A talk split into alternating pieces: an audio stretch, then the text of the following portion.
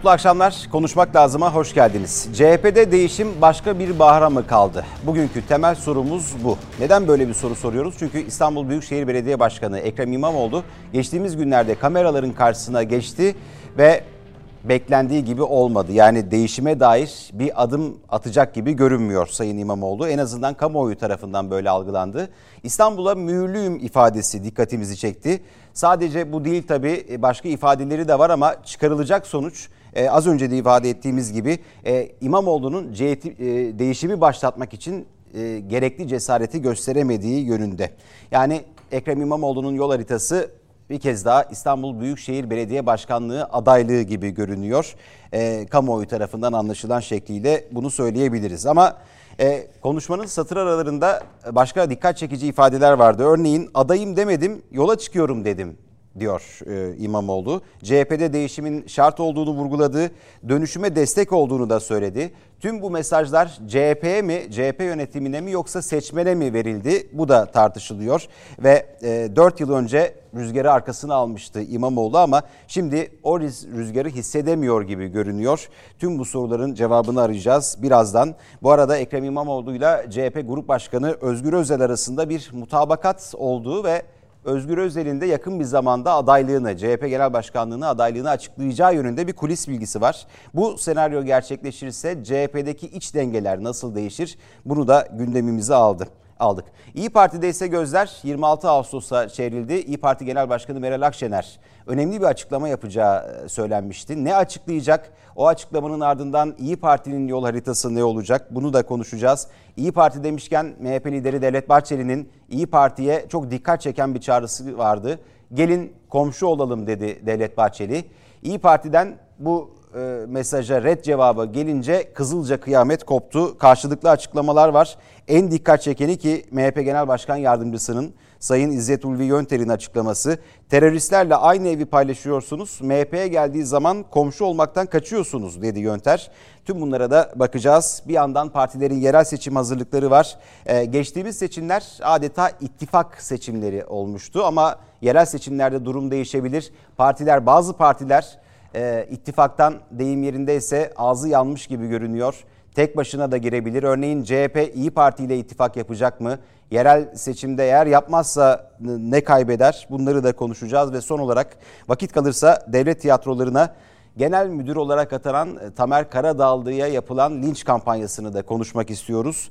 Ee, neden böyle bir kampanya yürütülüyor Karadağlı'ya ki kendisi sinema ve tiyatro oyuncusu, tiyatro geleneği var ee, ve e, bu nedenle e, bir algı mı oluşturulmaya çalışılıyor? Tüm bunları da konuşacağız. Dört değerli konuğumuz var.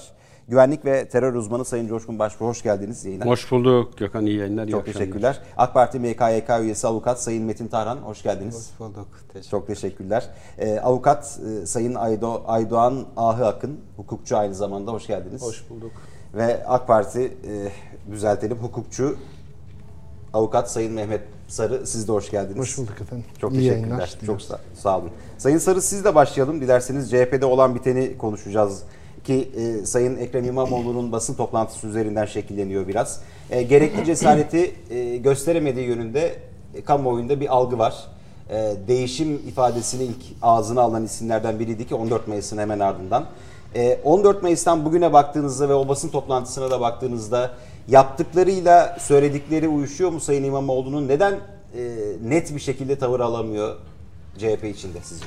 Şimdi benim bir kanaatim var. O da şu. Biliyorsunuz siyasette her şeyden önce pozisyonunu korumak, siyasette geleceğe dair e, ümit var olmak, siyasi pozisyonunda devamlılık arz etmesi için önce siyasetteki mevcut fiili durumu görmek lazım. O da şu. Şimdi biliyorsunuz ki genel merkezden, genel başkandan il başkanlarına, ilçe başkanlarına, mahalle teşkilatlarına kendi içerisinde bir meratibi silsile dediğimiz bir e, silsile var. Bu silsile doğrudan bir hiyerarşi çerçevesinde bağlıdır. Dolayısıyla genel başkanın iradesi hilafına bir il başkanı olamayacağı gibi il başkanının da görüşü rızası almadan ilçe başkanı aynı şekilde onun da fikri olmadan bir mahalle başkanının olamayacağı gerçekliği var. Bu zincirin halkası içerisindeki, bu siyaset zincirinin halkası içerisindeki bu realitenin farkında ne Ekrem Bey'in olmadığını ne de Sayın Kılıçdaroğlu'nun olmadığını ben düşünmüyorum. İkisi de bu sürecin fazlasıyla farkındalar. Siyasetin rasyonelitesi, sosyolojisini her şeyi bildiklerini düşünüyorum. Burada şöyle bir inancım var. Ekrem Bey gerçekten burada bir değişim söylemini söylerken samimi mi? Buna ilişkin kaygılarım var. Çünkü şundan dolayı kaygı dediğim benim yani e, e, e, bu fikrini söylemesindeki e, beni ilgilendirmiyor işin esası da sadece orada samimi mi onu ifade etmeye çalışıyorum. Görülen manzara şu. Gerçekten siyasetin rasyonelitesinin nasıl işlediğini farkında. İçerisindeki işte e, bu zincirin halkaları içerisinde bir kopukluk oluşmadan ya da siz o zincire rağmen bir siyaset oluşturmadan, bir farklı bir e, tabiri caizse bir akım ortaya koymadan orada mevcut silsileyi, düzeni değiştirme şansınız yok. Bunların farkında, bunlara e, bildiği halde değişim söylemini ifade etti. Bu ne demektir? Dışarıdan büyük bir dalga oluşturup ortaya çıkan sonuçtan tabiri caizse oradaki düzenin bozulmasından bir pozisyonel durumdan kendisine bir imkan yaratma girişimi söz konusu olabilir. Bunları deniyor olabilir. Ama Ekrem Bey gerçekten bu meselede samimi diye baktığımızda şimdi 14 Mayıs'ta ifade ettiği cümle şu. Sayın 13. Cumhurbaşkanım diye Kılıçdaroğlu'na güzellemeler yapıyor. 29'u sabahı video çekiyor. Hemen değişim söylemiyle yanı başındaki yardımcısı sıfatını üstlendiği kişiye karşı direkt e, tabi caizse onu arkadan hançerler bir açıklama yapıyor siyaseten. Şimdi burada çok ciddi bir tenakuz var. Eğer bu düşünülmüş, çalışılmış bir şey değilse amatör ruhla kişilerin bu anlamda bir gecenin sabahına 28'inde Cumhurbaşkanı olacak adayın yardımcısının 29'u sabah saat erkende mahmur bir gözde video çekip de değişim cümlesini kuramaz, kurmaması gerekirdiğini bu eğer böyle bir cümle kuruyorsa bu hayatın olağan akışına aykırı bir durum olduğu ortada. Ne insan psikolojisiyle ne toplum ve siyaset sosyolojisiyle ilgili bir durum Biraz değil. duygusal ani tepki verdiğini mi? Hayır, onu demeye çalışmıyorum. Burada ortada sadece sistematik bir durum var. Yani kendisinin Büyükşehir Belediye Başkanlığı adaylı yine 2024 Büyükşehir Belediye Başkanlığı'ndan vazgeçtiği sonucu çıkarılamaz burada. Genel başkanlığa dönük samimi bir değişim çabası olduğu ortaya konamayacağını ifade etmeye çalışıyorum. Çünkü ortada gerçekten samimiyseniz bu değişimi sonuna kadar zorlarsınız. Eğer bu yolda bir yol alamazsanız yeni bir yol inşa edersiniz.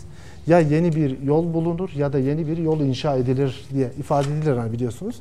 Bunlardan birisini yapması beklenen şeydi. Fakat bunların hiçbirisi yapılmadı. Zaman ilerledi. İki buçuk ay içerisinde CHP'deki oluşan bu kaosun içerisinde kendisini bu tuz biber ekmesiyle oluşan atmosferde karşımıza şöyle bir sorun çıktı. Ee, özellikle CHP Genel Başkanı değişecek. Yerine bir değişimciler diye bir grup oluşacak. Ama nedense ne hikmetse bu değişimci grup ifade eden genel merkez üzerindeki değişimci grupla İstanbul üzerinde e, değişim çağrısında bulunanlar arasında pardon değişim ve genel merkez arasındaki söylemler arasında sert, yıpratıcı, bunları bir tarafa bırakıcı hiç böyle bir ağır söz duymadık.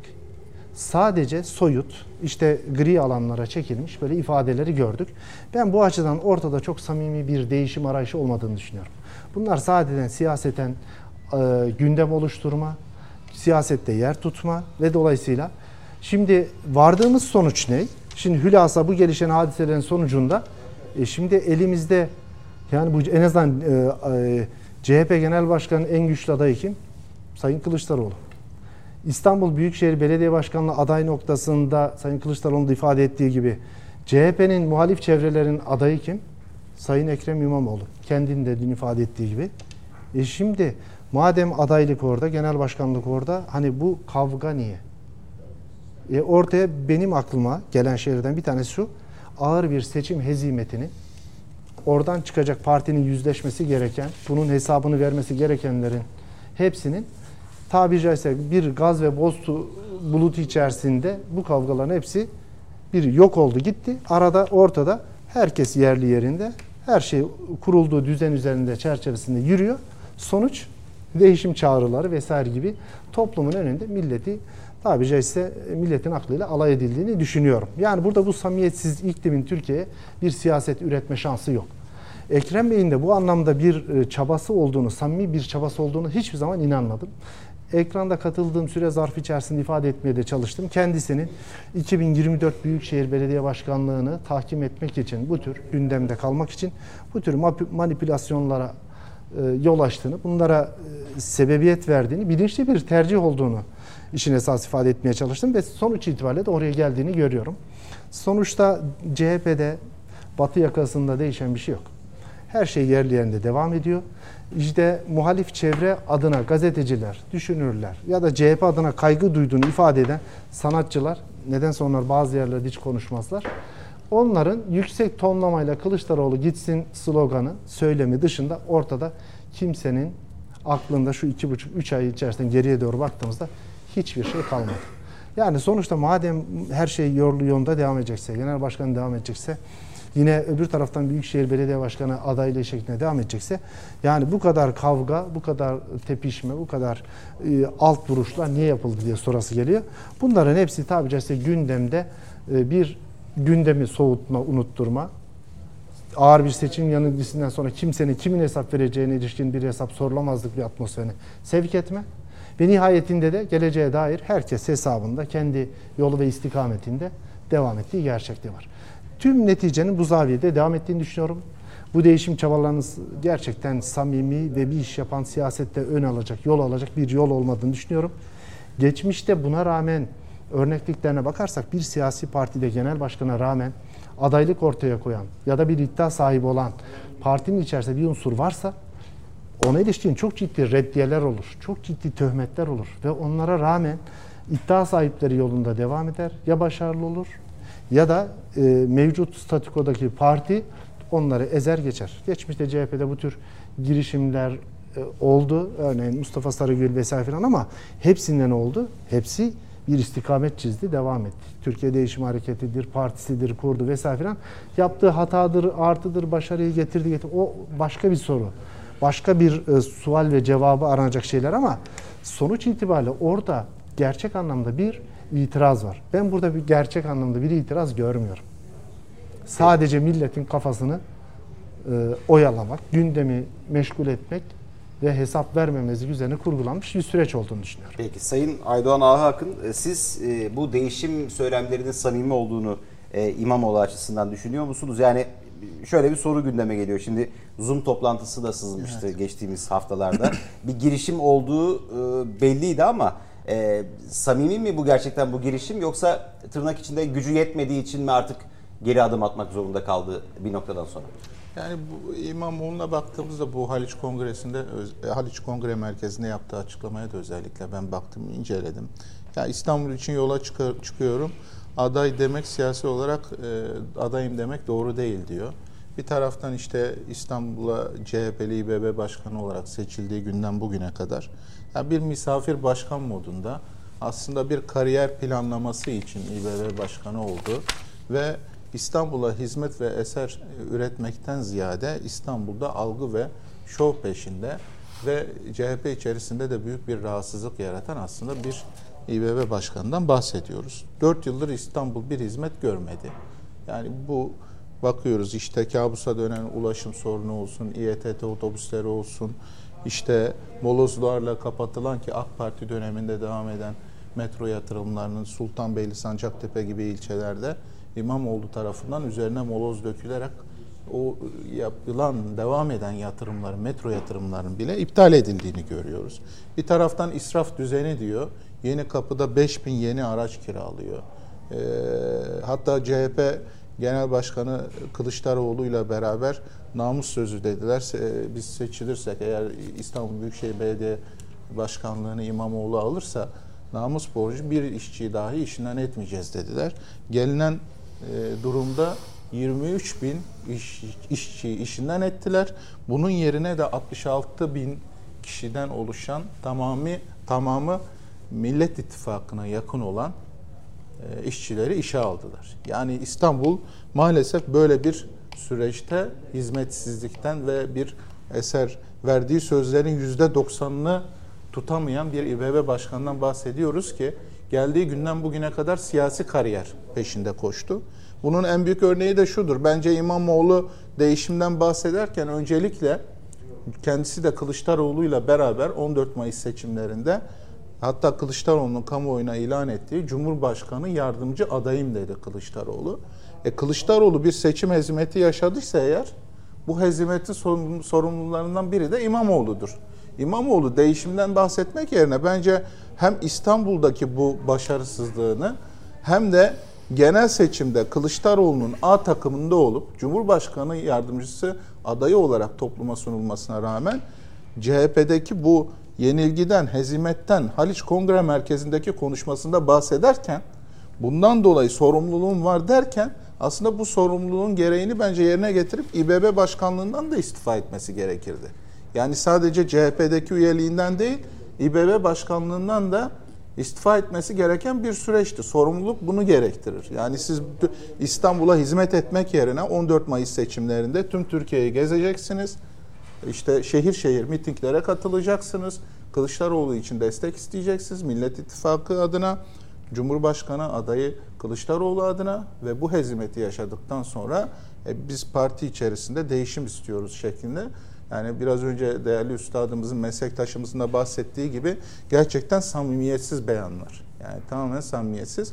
Ve e, İmamoğlu şunu gördü.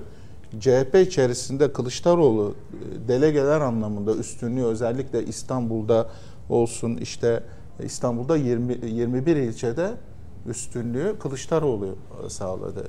Yani delege anlamında. Ankara'da işte Çankaya vesaire çoğu illerde Kılıçdaroğlu bu delege üstünlüğü sağladıktan sonra İmamoğlu da buradan bir şey çıkmayacağını, bu değişim sözlerinden bir sonuç CHP içerisinde alınamayacağını gördü. Zaten Kılıçdaroğlu ona bir hafta on gün önce mesajı vermişti. Sen İstanbul'a aday ol. Ben de genel başkanlığıma, başkanlığıma devam edeyim şeklinde. Hatta başarılılar başarılılar dedi hem evet. Sayın Mansur Yavaş için hem İmamoğlu için.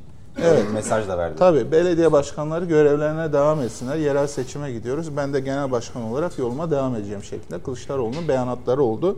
Keza dünkü İmamoğlu'nun açıklamasından sonra yani kulislere ve medyaya yansıdığı kadarıyla CHP Genel Merkezi tarafından İmamoğlu e, CHP'li yetkililer tarafından İmamoğlu yenilgiyi kabul etti.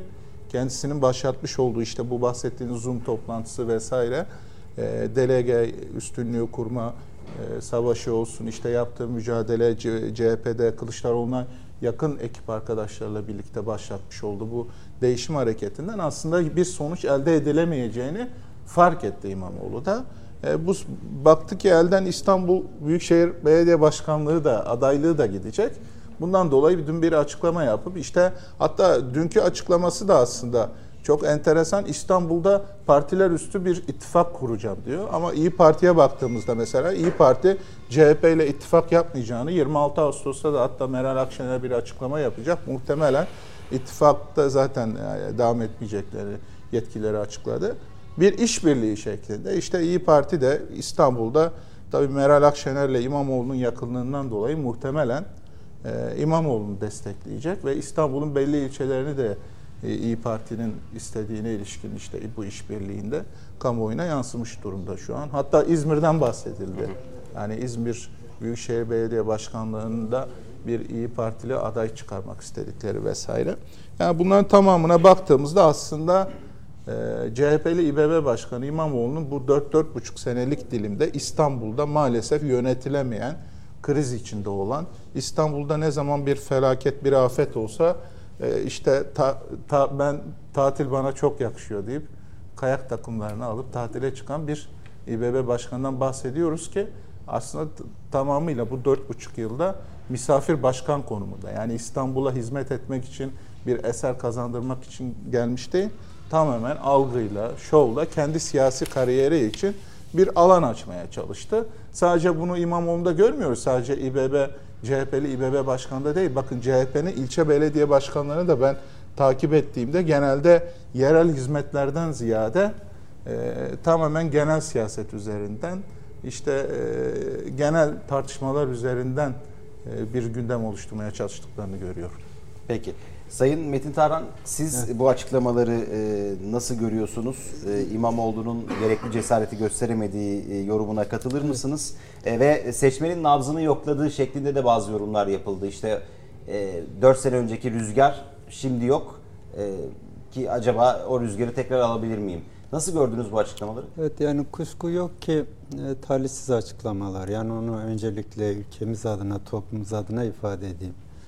E, CHP'nin temel bir sorunu. Çok uzun zamandan bu yana kadro üretemiyor, politika üretemiyor. Popülist politikalarla, söylemlerle, seçim dönemlerinde maruf insanlar bulmakla e, kurtarmaya çalışıyor günü. Yani varlığını sürdürüyor. Ama Türkiye'nin temel ihtiyaçlarını, taleplerini e, nazara alarak ona uygun politikalar üret- ürettiği söylenemez. Yani bir miktar böyle e, palyatif e, öneriler oluyor. Onlardan da sonradan vazgeçiyorlar. Başka bir değişim geliyor, başka bir şey geliyor. Yani ben o açıklamaları bir nevi CHP'nin sorunu olarak görüyorum. Politika ve kadro üretmeme noktasındaki hali olarak görüyorum. Ekrem İmamoğlu çok esnek bir siyasetçi. Nerede duracağı belli değil. Yani bu bir kişilik meselesi. Hakikaten genel başkanlığa aday olmasını çok ciddi bir şekilde e, istedi ve bunu görmek gerekiyor. E, bu anlamda e, bir bir değişimden söz etti. Yani her şeyden önce sözünü ettiği değişimin de yani bir dönüşümü de içeren, politikaları da içeren, fikri de içeren, kadroyu da içeren, partici demokrasiyi de içeren bir e, politika değişikliği ve kadro değişikliğinden ziyade genel başkan değişikliği noktasında yola çıktı ve yanına o esnek tavrıyla, PR çalışmalarıyla, algı idareleriyle yanına almak istediklerini e, üzerinde çalıştı. Bir miktar işte Zoomcular grubu oluştu. E, bir miktar Meral Akşener'in haricen desteğinin olduğunu söylemek gerekir. Bu tür bir havayla ben genel başkanlığa adayım. Yani aslına bakarsanız Cumhurbaşkanlığı yardımcısı olarak o sürece başarısız bir sürece ortak olmuş. Ondan sonra bu başarısız sürecin bir aktörü diğer başarısız bir insanın karşısında aday olmaya çalışıyor. Yani bunu samimiyetle izah mümkün değil. Zaten samimi olarak görmek de mümkün değil. Ee, bu yönüyle bakıldığında e, bunu çok istedi ama zemin oluşamadı, göremedi. Parti teşkilatları bu tür e, durumlara uygun olmadığını gördü ve çok açık ve net bir şekilde geri çekildi. Geri çekilirken de yani çok ihtiyatlı, esnek bir politikacı, çok iyi idare ediyorlar süreci. E, ben adayım da diyemedi.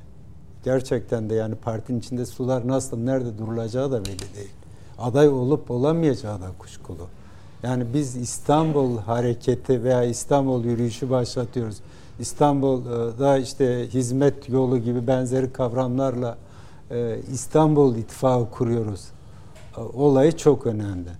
Yani bunlar geçmişte de başarılı olmuştur. Belirli kitleleri belirli ihtiyaçlar çerçevesinde bir araya getirerek işte İyi Parti'yi mutlaka bu sürecin içerisine katarak e, belirli yarar gruplarını, belirli kanaat gruplarını vesaire böyle İstanbul e, e, ittifakı altında bir araya getirmesi de mümkün görülüyor. Ve bunu yaparken de aday değilim demesinin aslında Kılıçdaroğlu mesaj da verdi. Sen kal şeklinde birbirlerine güveni de olmadığından dolayı ben İstanbul için yola çıkıyorum. Bir ittifak zemini yaratıp genel merkez üzerinde de bir baskı oluşturmaya çalışıyor. Adaylığını güvenceye almak anlamında.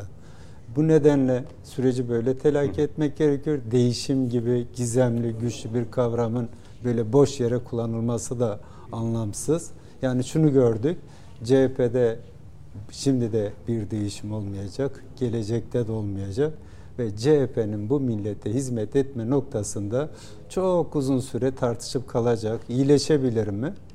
E, bilemem ama bu haliyle iyileşme belirtisi de göstermiyor diye düşünüyorum. Peki Sayın Coşkun Başbuğ geçtiğimiz hafta e, Sayın İmamoğlu'nun e, yurt gezilerini e, konuşuyorduk bu açıklamayı yapmadan önce. Geldiğimiz noktada İstanbul'a mühürlüyüm gibi bir ifade kullandı o basın toplantısında. O ifadeyi nasıl yorumlamak gerekir? Yani başka bir hareket alanı kalmadığı anlamına mı geliyor İstanbul'a adaylıktan başka? Öyle zor bir soru sordun ki Gökhan. Yani şimdi e, dört yana koşturan bir kılıçta e, İmamoğlu hatta diğerleri de bana göre aynı cephede E, ve e, sen bu dört cepheli yarıştan bir yorum çıkarmaya çalışıyorsun. Şimdi e, İmamoğlu e, şuradan tebrik ederim. Hani böyle tek kişilik oyunlar vardır. Seyirci kitler alır götürür. 85 milyon aldı kitledi götürdü. Biz onu mu dedi bunu mu dedi. Başkan mı değil mi? Aday mı laf mı yolladı. bir gönderme mi yaptı? Siyasi kariyer işte. Ondan sonra günlerdir Bir tartışıyoruz. ya. siyasetçiye fayda getirir mi bu, tar- bu tarz tartışmalar? Gündemde kalıyor. Gündemde kalıyor. Ya ondan iyi reklam var mı? İstanbul Belediyesi bugün belki tarihteki yani Türkiye tarihindeki en büyük reklam harcamalarını yapıyor. 850 milyon diye duydum. Ee, do- dolayısıyla hiç o parayı da harcamadan bedava biz İmamoğlu'nun reklamını yapıyoruz. Dolayısıyla e, bana göre bulunmaz fırsat ve iyi de değerlendiriyor. Şimdi bu sözler gündeme düştüğünde ben şöyle bakmıştım. Ee, buradan dedim herhangi bir kesin yorum yapmak zor. Niye? Şimdi diyor ki İstanbul'a mühürlüyüm. Ne anlarsın? Ben İstanbul sevdalısıyım. Türkiye benim boyumu, haddimi aştı. İşte bir düştük yola ama hata etmişiz. Özüme dönüyorum, aslıma dönüyorum. Olmam gereken yere dönüyorum. Şimdi bu laftan bunu anlarsın. Ama o lafı kullanan biri dakikalar sonra şöyle söylüyor. Risk alıyorum. 2024'te rakibin kim olduğunu da biliyorum. Şimdi bu lafa baktığın takdirde diyorsun ki ya bu başkanlığa adaylığı koymuş ve Sayın Erdoğan da kendine rakip görmüş. Şimdi bu iki cümle arasında o kadar fark var ki beyazla siyah, geceyle gündüz gibi. Bu durumda biz işte acaba orada bunu mu demek istedi, biz mi ters anladık veya işte doğru olan bu mudur diye yorumlamaya 2024 yerel çalışıyoruz. seçimden başka bir alternatif var mı? Şöyle yerel seçim değil de e, Sayın Erdoğan herhalde belediye başkan adaylığını koymayacak. E, Risk o- alıyorum diyor ve 2024 adayımın kim olduğunu biliyorum diyor. Yani yerel seçimin sonrasında bir e, elbise çizmeye çalışan bir İmamoğlu tablosu var ortada. E şimdi e, Kılıçdaroğlu'nun söylemlerine bakıyorsun. E, gerçekten neresinden tutsam diyeceğim bir ton söylemi var ısrarla hep evire çevire siz 16 milyonun başkanısınız. 16 milyon hep vurgulama bu. Yani diyor ki sen diyor e, belediye başkanısın. Daha fazla zorlama bunu diyor. Şimdi İmamoğlu'nun ben aklındakini okuyabiliyorum. E, bugün e, hani bir siyasi rekabet bir oyunsa Cumhuriyet Halk Partisi içerisinde ve bu oyun için her şey göze alınıyorsa bana göre şu ihtimalleri biz tek tek konuşmalıyız veya beklemeliyiz. Örneğin ben Kılıçdaroğlu olsam ve hani o dilden dile dolaşan kin bende olsa İmamoğlu'nu bir şekilde bitirmek için her yolu denerim. Ve bunu da hiç hissettirmeden sinsi ayak oyunlarıyla yaparım. Şimdi bu oyunların ilkine yapılması gereken aday gösteririm. Kazanma şansım olmadığını bile bile aday gösteririm. Orada parti kaybeden ama ben kazanırım. Bunu benim mu de, düşünüyordur? Sayın benim de derdim zaten parti değil. Benim derdim kendi şahsi geleceğim. Niye? Yani bugün e, dikkat edersen başkan seçin de yani bir ipi göğüsleyeyim de arkası ne olursa olsun kıyamet kopsun isterse diyen bir Kılıçdaroğlu gerçeği var ortada. Halk Parti tabanı hala tartışıyor. E şimdi e, bu söylemde yani böyle bir mantık ve akılla bana göre yapılacak en doğru iş İmamoğlu'nu aday göstermek. Seçimi kaybettiğinde de işte gördüğünüz, gözünüze büyüttüğünüz bu.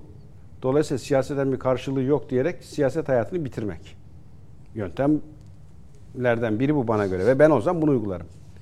Ama İmamoğlu olarak o cepheden de baktığımda ben Kılıçdaroğlu'nun beni aday göstermemesi için her yolu denerim ve derim ki ben olaydım kesinlikle İstanbul bizimdi evvel yaptığım gibi. Dolayısıyla ah bu genel başkan yok mu? Oraya geldik takıldık görüyorsunuz.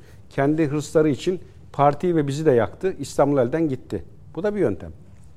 Şimdi e, ben hani akılla okumaya çalışıyorum süreci.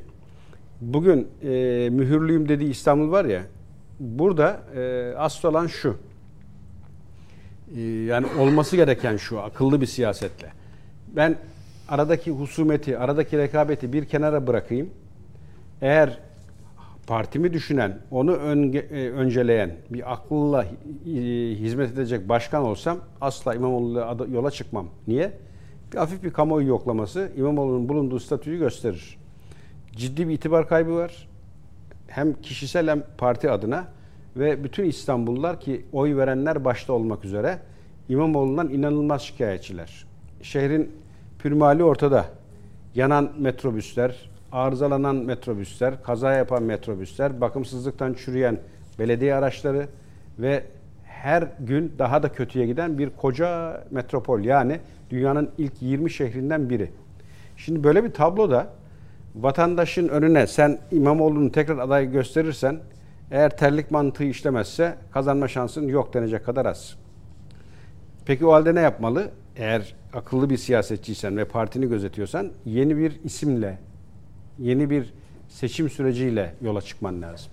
Bana göre e, Kılıçdaroğlu'nun aklında böyle bir e, mantık var. Yani her ne kadar şu an o süreci dengelemeye çalışıp da biz baba oğuluz, İmamoğlu adayımız dese de ben son dakika bir Kemal Kılıçdaroğlu saltosuyla e, bu adayın farklı bir isim olacağını düşünürüm. E, o aday kazanamazsa Kılıçdaroğlu için de bir risk değil mi? Yani E, elbette. İmamoğlu'nun elbette. yerine gösterdi. Elbette, elbette. Zaten Kılıçdaroğlu da bana göre uzatmalar oynuyor. Yani onun da zaten bir siyasi riski var. Onu birazdan dillendireyim. E şimdi burada aslında Kılıçdaroğlu'nun aklı bana göre böyle işlemeli siyaseten. E, ama tabii şu da çok önemli. Bana göre İstanbul'da hani o e, bıçak payı gidecek seçim sürecinde Cumhur İttifakı'nın gösterici aday çok önemli. Yani öyle bir isimle çıkmalısınız ki zaten karşının yaşama şansı kalmamalı. Ha, bu isim kim olur? Ben isim zikretmeyeyim. Birçok kişi söyleniyor. Ama bana göre İstanbul'da kabul görecek isimler var Cumhur İttifakı'nın elinde. Ama aynı isimler e, Millet İttifakı'nda yok. Onu bir kere söyleyeyim. Dolayısıyla burada eğer üç büyük şehirse hedef, hani bir çok e, benim katılmadığım genel geçer laf var ya İstanbul alan Türkiye'yi alır. İstanbul'u aldınız işte Türkiye alamadınız. Genel seçimlerin sonucu ortada. Onun için o efsane çöktü. Burada e, şehir bazlı bir yarış yürüyecek ve o şehir bazlı yarışta da geçen seçim kıl payı kaçan o e, oy e, veya şehri şimdi Cumhur İttifakı tekrar almak için kıyasaya bir rekabete girecek. Bir de şu söyleniyor. Deniyor, deniyor ki mesela 26 Ağustos'u ben bekliyorum. Meral Akşener nasıl bir çıkış yapacak? Orada eğer derse ki böyle bir ihtimal konuşuluyor. Biz bağımsız hiçbir yere ittifaka girmeden tek başımıza seçimlere gireceğiz. Tebrik ederim, alnından öperim cesaretinden dolayı. Ama böyle bir seçim sürecinde eğer ittifak kanadı yani Millet İttifakı böyle herkes tek girerse hiçbir partinin hiçbir seçimi kazanma şansı yok. Ne genel ne yerel. Onlar bunu bizden daha iyi bildiği için ben bunların Zorunlu ittifak e, Kesinlikle. Bak ben bunların zorunlu, hamaset dolu laflar olduğunu, tabanı konsolide etmek için bilerek söylendiğini düşünüyorum. Ve hep de şu mantıkla bu e, konuyu bağlıyorum. O masayı dağıtacak olan, ittifak bitmiştir diyecek olan tek akıl masayı kuran akıl. Dolayısıyla o masayı kuran akıl onay vermeden sıkı mı öyle ben İYİ Parti olarak süreçten ayrılıyorum ve tek başıma siyaset izleyeceğim demek. Şimdi ittifak kanadı işler ve hani iyi de bir aday çıkarırlarsa seçim e, kıyasıya rekabette gider. Öyle varsayalım. Ama şu mevcut çekişmelerle İstanbul elden gitti. Bunu ben değil, Millet İttifakı kanadında siyaset yapan birçok isim söylüyor. E, gelelim Ankara'ya ve İzmir'e. E, şimdi e, İzmir'de tablo İstanbul'dan farkı yok. Orada da Tunç Soyer'e inanılmaz bir tepki var. Şehir eski e, ilk çağ günlerine döndü. İşte kokunun hakim olduğu İstanbul'da olduğu gibi işte şehrin her anlamda geriye gittiği bir dönem yaşanıyor ve Cumhuriyet Halk Partisi'nin gene önemli isimleri e, siyasette ve halk taban kesiminde anormal tepkili Tunç Soyer'e. Ha, terlik mantığı işler mi orada? Bu tartışılır. Ama hani eğer ittifakla giderlerse belki, ittifaksız giderse asla İzmir'de kazanamazlar. E şimdi Ankara konusu e, zaten o da ortada. Yani Yavaş'ın e, bugüne kadar İmamoğlu gibi, Tunç Soyer gibi bir tane ürettiği proje, bir tane böyle elle tutulur, bu şehre şunu kattım diyeceği bir katkı yok. Sürekli hamasi ve e, farklı söylemlerle 5 yılı yediler. Yani bugün e, İmamoğlu'na dün bir gazeteci çok kritik bir soru sordu. Dedi ki Kılıçdaroğlu'na dedi karşına aday olarak çıkacak iseniz ne tür projeleriniz var? Yani farkınız ne ondan dediğinde. Şu an öyle bir projemiz yok. Arkadaşlar çalışıyor. Ee, önümüzdeki günlerde inşallah paylaşırız gibi akla zarar bir cümle kurdu. Şimdi o soruyu ben gazeteci olsam şuna da çevirirdim. Peki oradan vazgeçtik. Çalışıyor arkadaşlar. İstanbul'la ilgili projeleriniz ne? Bak yaptıklarını sormuyorum. Yok öyle bir şey de. Yapacaklarını söyle yeter de. Gene süt, yumurta, ondan sonra metro, işte e, tohum. Hayır onları da yapamadı. Sıkıntı orada. hayır zaten %90'ını zaten sadece sadece de. söyleyecek yapacağını Söylüyor yani, zaten asla etmiyorum.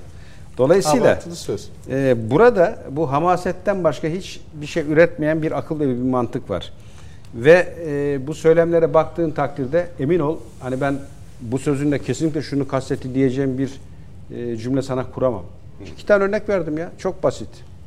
2024 adayımı biliyorum, risk alıyorum. Yani diyor ki 2024'te işte e, bir karşımda rakip var, onu da, da biliyorum ve o rakibin karşısına ben çıkmaya hazırım. Şimdi benim buradan İmamoğlu'na tavsiyem şu. Böyle gizemli, dolambaçlı, işte e, kuyudaki taş sayısını artıracak cümleler yerine çok net. Kardeşim ben aday değilim. Ben Büyük- Büyükşehir Belediye Başkanıyım ve seçime de e, bu şekilde gireceğim. Adayım da Sayın Başkanımdır. Yakışan da odur. De bunu. Diyemiyor. Aday mısın dediğinde de bu sefer başlıyor. Ben öyle bir şey söylemedim. Sadece İstanbul'da yürüyorum dedim. Ya herkes yürüyor İstanbul'a. Ama herkesin yürüyüş maksadı, amacı farklı. Sen ne için yürüyorsun? Bana bu, bir onu söyle. Şimdi bunları böyle bulmaca gibi ortalığa atıp buradan siyaseten nemalanmak veya bunu düşünmek insanın milletin aklıyla alay etmek olur. Hakikaten yorulduk. Yani onu mu dedi, bunu mu dedi? Şöyle mi kastetti, böyle mi kastetti? Ya kardeşim tiyatro yok karşımızda. Bizde e, yani Türk milleti de saf değil. Büyük bir cesaretle çık ortala de ki ben siyasetten çekiliyorum kardeşim. Yüzüme gözüme bulaştırdım. Bu iş bana göre değilmiş. Sokağa çıkamıyoruz. Hani diyor ya Bakırköy Belediye Başkanı. Oydu herhalde değil mi Mehmet? İstanbul Caddesi'ni diyor. Yani Evet. Sokağa çıkamıyoruz. Senin sokağa diyor. çıkamıyoruz. Ki haklı. Böyle bir gerekçeyle de ki bıraktım ben siyaseti. Bu bana göre değilmiş işte. Bizi aşmış bu işte. Ya da de ki kardeşim ben delikanlı adamım. Öyle hiç laf eğip bükmem. Kitabı da ortasından konuşurum. Adayım kardeşim de dökül ortalığa. Hiçbiri yok. Şimdi gene attı ortalığa şeyi, e, tohumu biz şimdi ayıklıyoruz. Onu mu Bir dedi, Özgür bunu? Özel'den bahsetti sonra orada. Şimdi yani o kadar çok savruluyorlar ki özel özgür baştan beri hep özel proje getirildi konuldu ortaya. Benim hep özel özgür diye andığım bir kişi ya e, o kadar çok savruldu ki aynen şu cümleyi kullandı. Kılıçdaroğlu'na git diyenler ya AK Partilidir ya da trolldür dedi. Doğru mu dedi bunu? Kılıçdaroğlu'na git diyenler ya AK Partilidir ya da trolldur dedi. Onun trollüdür. E şimdi aynı şeyi sen kullandın. E, Mehmet Merkez Yönetim Kurulu değerli vekilim de orada. Bizden habersiz bir üyelik varsa bilelim. Eğer yok e, AK Partili değilsen o cümle ne? Senin şu an yaptığın ne? Bak aslında çok ilginç bir örnek vereyim. Aslında e, birileri bizim aklımızda oynuyor bir kere onu bir söyleyeyim. Ve birileri bilerek süreci sürekli böyle bir sarmalda döndürmeye çalışıyor. O birileri misak-ı millinin dışından masayı kuran güç. Yoksa o masada hani bu kadar da olmaz diyecek bir akıl var ve onların hakkını teslim edeyim. Şimdi geçtiğimiz günlerde bir manzara ile karşılaştık. Bir Zoom toplantısı oturuldu. Ondan sonra ve bu toplantıda kime sorarsan sor toplantının ağası İmamoğlu. Büyük bir özgüven konuşuyor, yorum alıyor, soru soruyor. Ve o masada en sığıntı oturan kim? Özel Özgür. Böyle oturmuş karşısında e, büyük başkan ne diyecek acaba ağzına bakıyor. Ya kardeşim sen koca Cumhuriyet Halk Partisi'nin genel başkanısın. Yani Kılıçdaroğlu seni bir numaralı isim olarak oraya atamış. Karşındaki İmamoğlu senin o koca partinden bir belediye başkanı. Bak İstanbul ismini sil, belediye başkanı olarak sıfatı koy. 81 vilayetten birinin belediye başkanı İmamoğlu. Dolayısıyla hani nasıl İstanbul olunca durum değişiyor mu acaba? Yani öyle mi yani büyük algılanıyor? şehir diye Ee, ama esas işin tablosu şu. Yani Van'da, İstanbul'da, Ankara'nın da e, Balıkesir'in valileri validir ya statü bellidir. Kaymakamların da hangi ilçe olursa olsun statüsü bellidir, kaymakamdır. Sen koca partinin genel başkanısın ve senin karşında bir partinin atadığı, temsil etmek için görevlendirdiği bir belediye başkanı var. Ama tabloya bakıyorsun, genel başkan İmamoğlu, bir belediye başkanı da Özel Özgür karşısında böyle emir almak üzere bekliyor. Ben bu manzarayı gördüğümde aklıma ilk gelen şey FETÖ oldu. Hani FETÖ'de bir yapı var ya, Hiyerarşist. Heh. Bekçinin karşısında koca emniyet müdürü oturur. abi der, mahalle imamım der, emret der. Şimdi benim aklıma ilk gelen o. Ki FETÖ'yle çok anılan da bir parti. Yani önemli isimler, önemli kişiler FETÖ'yle iltisaklı çıkıyor, tartışılıyor. İttifak kanadında, Millet İttifakı'nda FETÖ yapılanması konuşuluyor. Şimdi böyle bir yapıda, böyle bir tabloyu koyduğum an benim aklıma ilk gelen o. Zannediyorum benim gibi seyredenler de onu düşünmüştür. Ya adama bak koca genel başkan neticede karşısında Grup başkanı. işte grup başkanı yani genel başkan değil mi o? Parlamentoda Kılıçdaroğlu temsil ediyor. Ha? Kılıçdaroğlu'nun direkt adına konuşan, adına hitap eden bir kişi. Bir numara. Karşındaki de vekillerden sonra gelen belediye başkanlarından biri. Ama İmamoğlu geçmişi te- en temiz Özgür Özel diye açıklama yaptı. İşte Şeyde, zaten, e, birbirlerini- enteresan yani. İşte birbirlerini niye ağırlarlar bilmem. Ama neticede burada büyük bir tiyatro var ve gerçekten de hani akıl tutulması diyeceğin cümlelerle karşılaşıyorsun. O Özgür Özel bir anda Kılıçdaroğlu'na ters dönüyor ki ben bunu bir tek şeyde gördüm. Yani e, İmamoğlu dahil. Mesela e, Burcu editörüm güzel bir soru sormuş. Diyor ki e, acaba diyor şey mi e, nasıl söyleyeyim ben sana bu diyor yarı yoldan bıraktı diyor. Hani şey gibi e, zoomcuları ortadan bıraktı. Diğer evvel örneklerde gördüğümüz gibi. Ben doğru katılırım. Ben mesela Sarıgül'ün yaptığını asla tasvip etmem. Parti kurmuşsun, başkanım demişin. Bir anda hep eleştirdiğin, yerden yere vurduğun yapıyla el ele verip kameralar önünde milletvekili, Erzincan milletvekili benim demeyip deyip arkadaki parti yapısını unutmak benim hiç anlamadığım bir olay. Aynısını burada görüyorsun. Yani zoom bir anda uçtu. İstanbul'a gidiyorum dedi. Arka tarafın umuru değil kıyamet kopmuş. Özel Özgür öyle ortada kalmış. E, denklem başka yere gitmiş. Ama diyorum ya birileri aklımız oynuyor diye. Onu yaparken de diyor ki geçmişi tertemiz olan Özgür Özel'dir diyor. Hadi buyur buradan yak. Yani Peki. başkan adayımızsın diyorsun. Bir hedef koyuyorsun kendine. O hedefi koyarken bile yeni bir kaos dolu cümleyi ortaya atıp pimini çekip bırakıyorsun. Şimdi bütün bunların hepsinde onlar rahatlıkla yapıyor. Bize de temizlemek kalıyor. Ben inan işin içinden çıkamıyorum. Yani İ- İkinci bölümde de konuşacağız. yani neyi kastettiği konusunda ben çok net yorum yapamıyorum. Peki. e, kısa bir ara vakti geldi. Konuşmak lazım. Aranın ardından devam edecek. Konuşmak lazım devam ediyor. E, İstanbul Büyükşehir Belediye Başkanı Sayın Ekrem İmamoğlu'nun e, basın toplantısını ve yansımalarını konuşuyorduk. Sayın Mehmet Sarı, e, tabii e, Sayın Coşkun Başbuğ, e, Sayın İmamoğlu ortaya bir e, bulmaca attı. Hepimiz onu çözmeye çalışıyoruz dedi ama gündem bu. Yapacak bir şey yok. Biraz daha Ya ben bizi eleştirmiyorum. Ben İmamoğlu'nu eleştiriyorum. Anladım. ve tebrik Peki. ediyorum ve takdir ediyorum. Peki. Ee, bir kısa tur daha yapalım çünkü başka konular da var. Ee, 2024'te adayım, e, adayımı daha doğrusu rakibimi biliyorum, risk aldım diyor. Bu cümleyi biraz e, konuşmak gerek. Ne anladınız siz bu risk aldım cümlesinden? Şimdi risk Risk alıyorum diyor. Adaylıkla alakalı bugün güzel bir yazı vardı da orada da ben gelirken de baktım. Şimdi orada CHP içerisindeki hiyerarşiye dikkat ettiğini dolayısıyla Abdülkadir Selvi yazmıştı. Abdülkadir Bey güzel bir analizi vardı. İfade ettiği şey şuydu. Ben adayım demiyorum çünkü CHP'nin parti meclisi büyükşehirin adayını tayin edeceği için ben İstanbul için yola çıktım kelimesini kullanıyor diye ifade etmişti.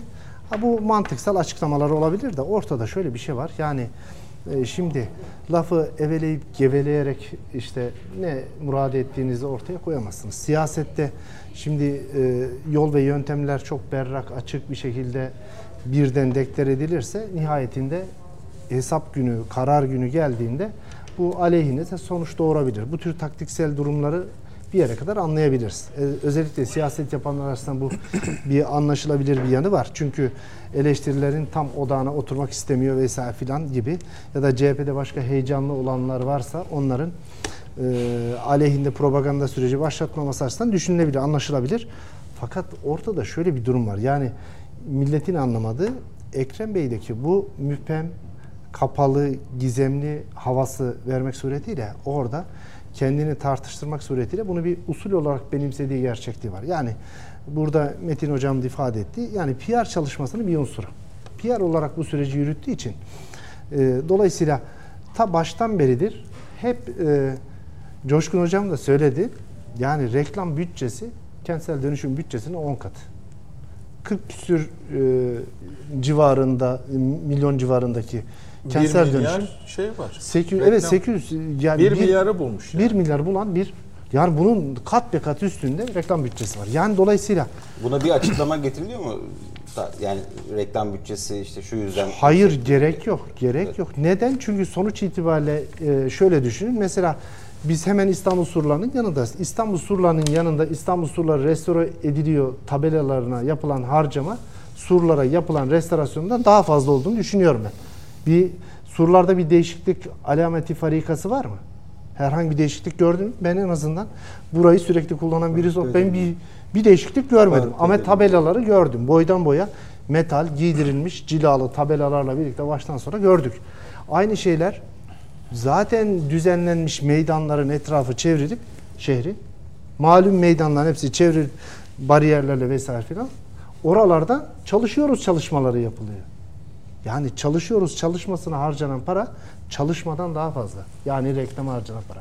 Şimdi eleştirmenin gerçekten sonu yok. Eleştirebilecek o kadar başlık var ki işin esası ben biz böyle konuştukça da ben kendilerinin en azından PR ekibiyle birlikte kadrolarının çok mutlu olduğunu da fark ediyoruz.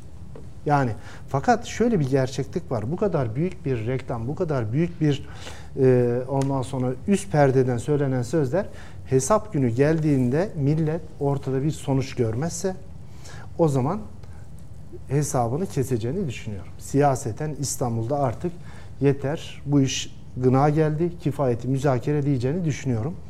Bir kitleler açısından baktığımızda da aslında mesela gençler açısından çok büyük hayal kırıklıkları var. Çok e, temas ettiğim gençlerde ücretsiz olacak, çok ucuz olacak denmesine rağmen gerek abonmanda gerekse öğrenci ulaşımında çok ciddi fiyatlar artışları yaşandı.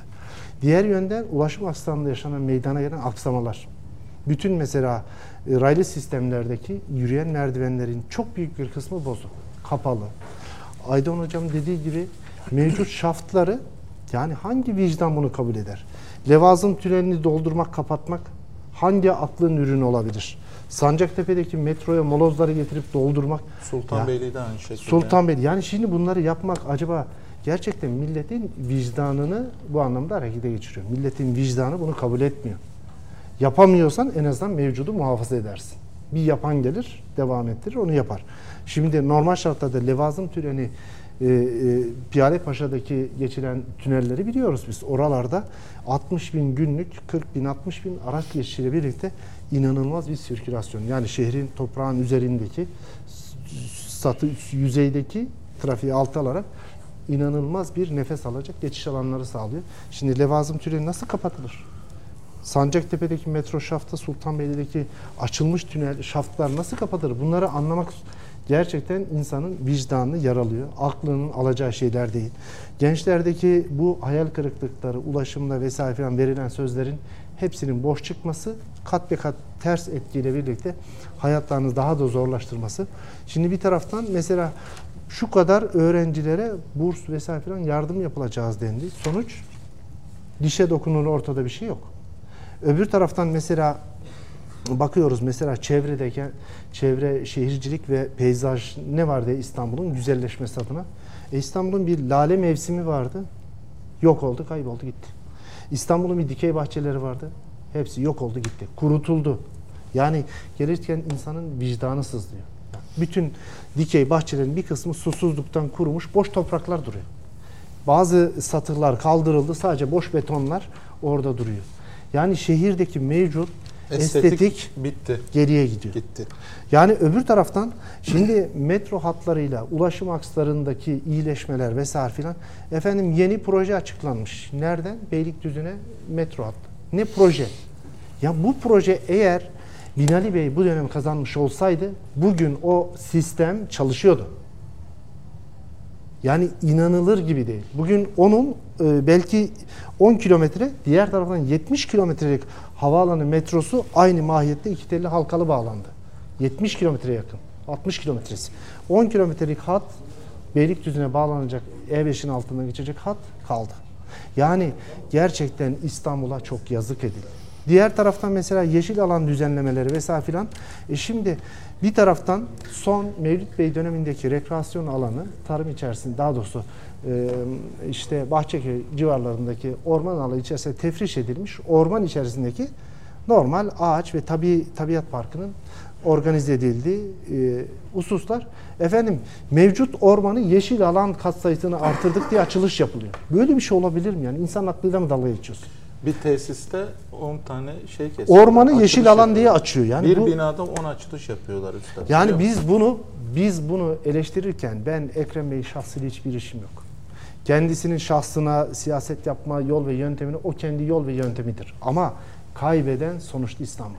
Kaybeden sonuçta burada bu kadar daha bir Hepimizi yaprak, bir yeşille dokunmadan hayatı geçen 5 yıllık bugün 5 yaşındaki 10 yaşında olan çocukların Peki. haklarını için ben bunu konuşuyorum. Kendi yerine efendim başka birisini mi bırakmış? Başka birinin adayı işte rakibinin kim olduğunu biliyormuş mu? Yani bu tür üst perdeden lafları kullanmayı çok seviyor kendisi. Çünkü baştan beridir doğrudan kendisini Sayın Cumhurbaşkanımızla eşleştirmeye çalışıyor. Onun üzerinden kendini bir PR alanı oluşturmaya çalışıyor. Orayla denkleştirip CHP Genel Merkezi'ni, CHP siyasetini, İyi Parti siyasetini, yana ona el veren işte HDP, PKK'nın vesaire filan tüm unsurların hepsini alt pozisyonda tutup kendini üst bir pozisyona tutup başka bir e, denklemenin, eşitlemenin çabası içerisinde. Yani rakibin bu vesaire filan söylemleri. İstanbul İttifakı söylemi de bunun dışında değil. Az evvel gündem oldu. İstanbul İttifakı denen şey de o aslında ne? Ben partiler, Partiler üstü, üstü dedi, evet. pozisyondayım. İttifakın içerisinde İstanbul'un paydaşı olan muhalif parti ve kitle kim? CHP'si olabilir, İyi Partisi olabilir, Yeşil Solu, HDP'si, PKK'sı olabilir, FETÖ'sü olabilir, bütün illegal unsurlar olabilir. Hepsi bir yerde bir torbada olabilir. Ama ben onların üzerinde beni destekleyen bir halenin parçası olabilir gibi bir pozisyonda konumlandırma. Böyle bir üst perdeden konuşma çabası var. Ama bu dönüp dolaşıp ila nihaye gelip e, siyaset pazarının hesabının görüldüğü gün insanlar soracak. Efendim 3 kutu süt dağıttım. Geri plandan götürdüm Çatalca'da şu Çatalca'da köylere bu kadar gübre dağıttım. Ondan sonra şu kadarlık yem dağıttım. Bunlarla kurtaramayacak. Ben açık ve net söylüyorum. Çünkü İstanbul'un bu çöküşü, İstanbul'un bu kayıp yılları şu an barajlardaki efendim e, enerji nakil sorunları açısından ortaya çıkan enerji faturası pahalı geliyor diye Melen'den su basma işlemi yapılmıyor. İnanamıyorum yani. Hangi vicdan ve akıl bunu yapar? Yani şimdi sen kış döneminde su basılması gerekiyor. Suyun yoğun, debisinin yüksek olduğu dönemde elektrik faturasından dolayı efendim e, normal Ömerli'ye basılacak sular basılmamış. Yani bunlar aklın alacağı şeyler değil. Yani günün Beceri. popülizmin peşine koşarsın. İstanbul İttifakı diye bütün işte efendim eleştirilen hepsi CHP diye Kılıçdaroğlu'nun, işte eleştirilen hepsi İyi Parti diye Meral Akşener'in, öbür taraftan eleştirilen hepsi e, şeylere aittir. Ben onların ötesinde üstünde bir pozisyondayım, ittifakın parçasıyım diye üst raddeden pozisyondan kendisine bir rol biçebilirsiniz. Ama hesap gününde ben artık İstanbul'un bundan sonra buna tahammül edeceğini düşünmüyorum. Ekrem Bey'in yaptığı yol ve yöntem ve siyaset kendi açısından kendine faydası olabilir. Fakat İstanbul'a faydası yok. Peki. Sayın Ahak'ın seçmen tarafından nasıl karşılanıyordur bu olan bitenler? Ben açıklama yapılmadan önce Evet. ve sonra e, yorumlara şöyle bir baktım hem sosyal medyada hem çevrede. E, zaten pek bir şey beklenmiyordu. E, bekleyenler vardı ama onlar içinde bir anlamda daha fare doğurdu gibi bir yorum da ortaya çıktı. E, seçmen zaten kızgın e, Sayın Kılıçdaroğlu'nun göreve devam ettiği için. E, bir de Sayın İmamoğlu'ndan e, o hamleyi görmeyince iyice e, kızgınlıklarını yansıtıyorlar. Ben onu gördüm. Seçmen yerel seçimlere de gidiyoruz. Nasıl karşılayacak bu yaşananları? Ya tabii şimdi bu e, Ekrem İmamoğlu sonuç itibariyle 14 Mayıs ve 28 Mayıs seçimlerinden sonra Sayın Cumhurbaşkanımız Recep Tayyip Erdoğan'ın başarısından sonra İstanbul'da bir baktık ki İstanbul Büyükşehir Belediyesi'nin billboardlarına kazandık şeklinde afişler, reklamlar dönmeye başladı. Ne dedik bu? Yani İmamoğlu şunu söylüyor aslında. Biraz önce kıymetli e, Mehmet Bey meslektaşımızın da belirttiği gibi o İstanbul İttifakı var ya orada Akşener'le birlikte aslında hareket edip yani bunu da bu akşam tekrar belirtmek lazım izleyicilerin de bilgi, daha çok bilgilenmesi açısından. Aslında İmamoğlu perde arkasında Akşener'le birlikte bir işbirliği var. Yani el sıkışmışlar. Neye ilişkin el sıkışmışlar? CHP'de özellikle Kılıçdaroğlu'nu indirmek için bu değişim grubuna Akşener ve Akşener'e yakın ekipler açıkça destek verdiler. Yani bu kamuoyuna da yansıdı, basına da yansıdı. Ya bu süreçte Akşener tarafından İmamoğlu'na güçlü bir şekilde sen işte CHP'nin içerisindeki değişim yapmak isteyen yetkilileri, işte görev alan kişileri toparla. Bunlarla beraber kurultaya gittiğinde işte sen veya bir başkası Kılıçdaroğlu'ndan genel başkanlığı alsın. İyi Parti olarak da ittifaka devam edelim şeklinde aslında bir strateji izlediler. E, gelinen noktada tabii İmamoğlu biraz önce Coşkun Bey'in de bahsettiği gibi yani altılı masayı kurduran akıl e, nasıl altılı masayı kurdurduysa yani o akıl onları nasıl bir araya getirdiyse, nasıl yönettiyse aslında İmamoğlu'nun dün yap, yapmış olduğu o açıklamayı da o akıl İmamoğlu'na bence yaptırdı. Çünkü İmamoğlu şunu açıkça gördü. İstanbul Büyükşehir Belediye Başkanlığı adaylığı da tehlikeye düşecek. Kılıçdaroğlu burada hamle yapıyor ve İstanbul'da da seçmen açısından biz baktığımızda gerçekten 4-4,5 senedir yani sadece 4 yılda biraz önce belirttik hani bu seneyi saymıyorum 4,5 yıl boyunca reklam bütçesi olarak 3.8 e, milyar TL para ayrılmış. Bakın 3.8 milyar TL'ye ne yapabilirdik? Mesela 2500 konut inşaat ede, inşa edebilirdi İBB. Yani İstanbul'da bir deprem riski var. Buna karşı Kiptaş gibi güçlü bir kurum olmasına rağmen İBB'de ki AK Parti döneminde İstanbul'un inşasında en önemli payı e, yüklenmiştir, sorumluluğu alan kurumlardan biridir. Bakıyoruz Beşiktaş gibi, Kadıköy gibi ilçelerde birkaç yerinde dönüşüm yapmak dışında koskoca Kiptaş'ın yapmış olduğu, kentsel dönüşüme yapmış olduğu bir fayda yok. 3.8 e, milyar TL'lik reklam bütçesiyle 31.200 araç alınabilirdi. 633 otobüs alınabilirdi. YTT otobüslerinden bahsettik. Bakın CHP'li İstanbul Milletvekili Özgür Karabat'ın mali müşavirliğini yapmış olduğu bir şirket var. Kamuoyuna da bu basına da yansıdı. İBB'ye başı İETT'nin 4 yılda toplam 4.1 milyar TL'lik onarım işlerini almış. Bu otobüslerin işte bakım ve onarım işlerini. E bakıyoruz her gün ben trafiğe çıktığımda sizler de mutlaka şahit oluyorsunuz. Basına da yansıyor. İstanbullular da buna şahit oluyor. İETT otobüsleri yürümüyor yollarda. Yani bakım yok, onarım yok. Her gün e, vatandaş İstanbullu bu çile, çileyi çekiyor. Ulaşım sorunu ciddi manada, manada taşıma sorunu şu an İstanbul'da ortaya çıktı. E bakıyoruz bir taraftan işte bunlara verilen bütçeler. E 4 yılda e, ne yaptık? Yani 4 yılda baktığımızda başarısız yönetilemeyen bir İBB var. Bakın Kız Kulesi biraz önce gelirken tekrar takip ettim. Yaklaşık 6 aydır sahil yolu kapalı Kız Kulesi'nin olduğu Üsküdar. Kız Kulesi ki turistleri bizim vatandaşlarımızın yaz dönemi orada vakit geçiren işte Kız, Kız Kulesi'ni görmeye giden veya sahilde vakit geçiren vatandaşlarımıza bile bu çileyi yaşattı. Çevre düzeni yapılmıştı Kız Kulesi'nin. Yani evet. Kız Kulesi'nin yeni bir ihale yapılıp mevcut beton zeminin bozulmasını tekrar oraya bir inşa başlanmasının gerekçesini bunu bir anlatmalar lazım. Ya vatandaşa çile çektiriyor işte. Yani Baskı şöyle mevcut yani. meydanlardaki düzeni tekrardan ihale edip buraya yeni bir ihale, yeni bir düzen, tefrişin anlamı ne? Yani tefriş edilmiş yeri tekrar tefriş ediyorsun. Evet. Ya evet. oradan engelli vatandaşlar bile o sahil yolundan geçemiyorlar. Ben gelirken de tekrar basından da takip ettim. Ya Kız Kulesi gibi İstanbul'un simgesel, Üsküdar'ın, İstanbul'un hani e, simgesi olmuş bir noktayı bile felç etti yani trafiği. E, ulaşım sorunu var. E, yollar yapılmıyor, bakımsız. E, bir taraftan bakıyorum mesela Kadıköy'deki Haldun Taner sahnesi 2021 yılından beri restorasyonda. Orayı kapattılar. Orayı vatandaşlar orayı sahneyi kullanamıyorlar. Tiyatro istemeye gidemiyor. Vatandaşı da mağdur etti. Yani AK Parti döneminde devam eden ne kadar hizmet varsa bunları yenileyeceğim deyip hepsini atıl hale getirdi. Ya çalışanlar bakın şu an İBB'de çalışanlar asgari ücretin iştiraklerinde çalışan kardeşlerimiz, işçi kardeşlerimiz asgari ücretin altında maaş alıyorlar ve eyleme gidiyorlar şu an. Yani İstanbul gibi bir metropol şehri, dünya kentini böyle bir kenti yaşanamaz hale getirmek, işlevsizleştirme haline getirmeye Yani CHP'nin de Kılıçdaroğlu'nda İmamoğlu'nda hakkı yok.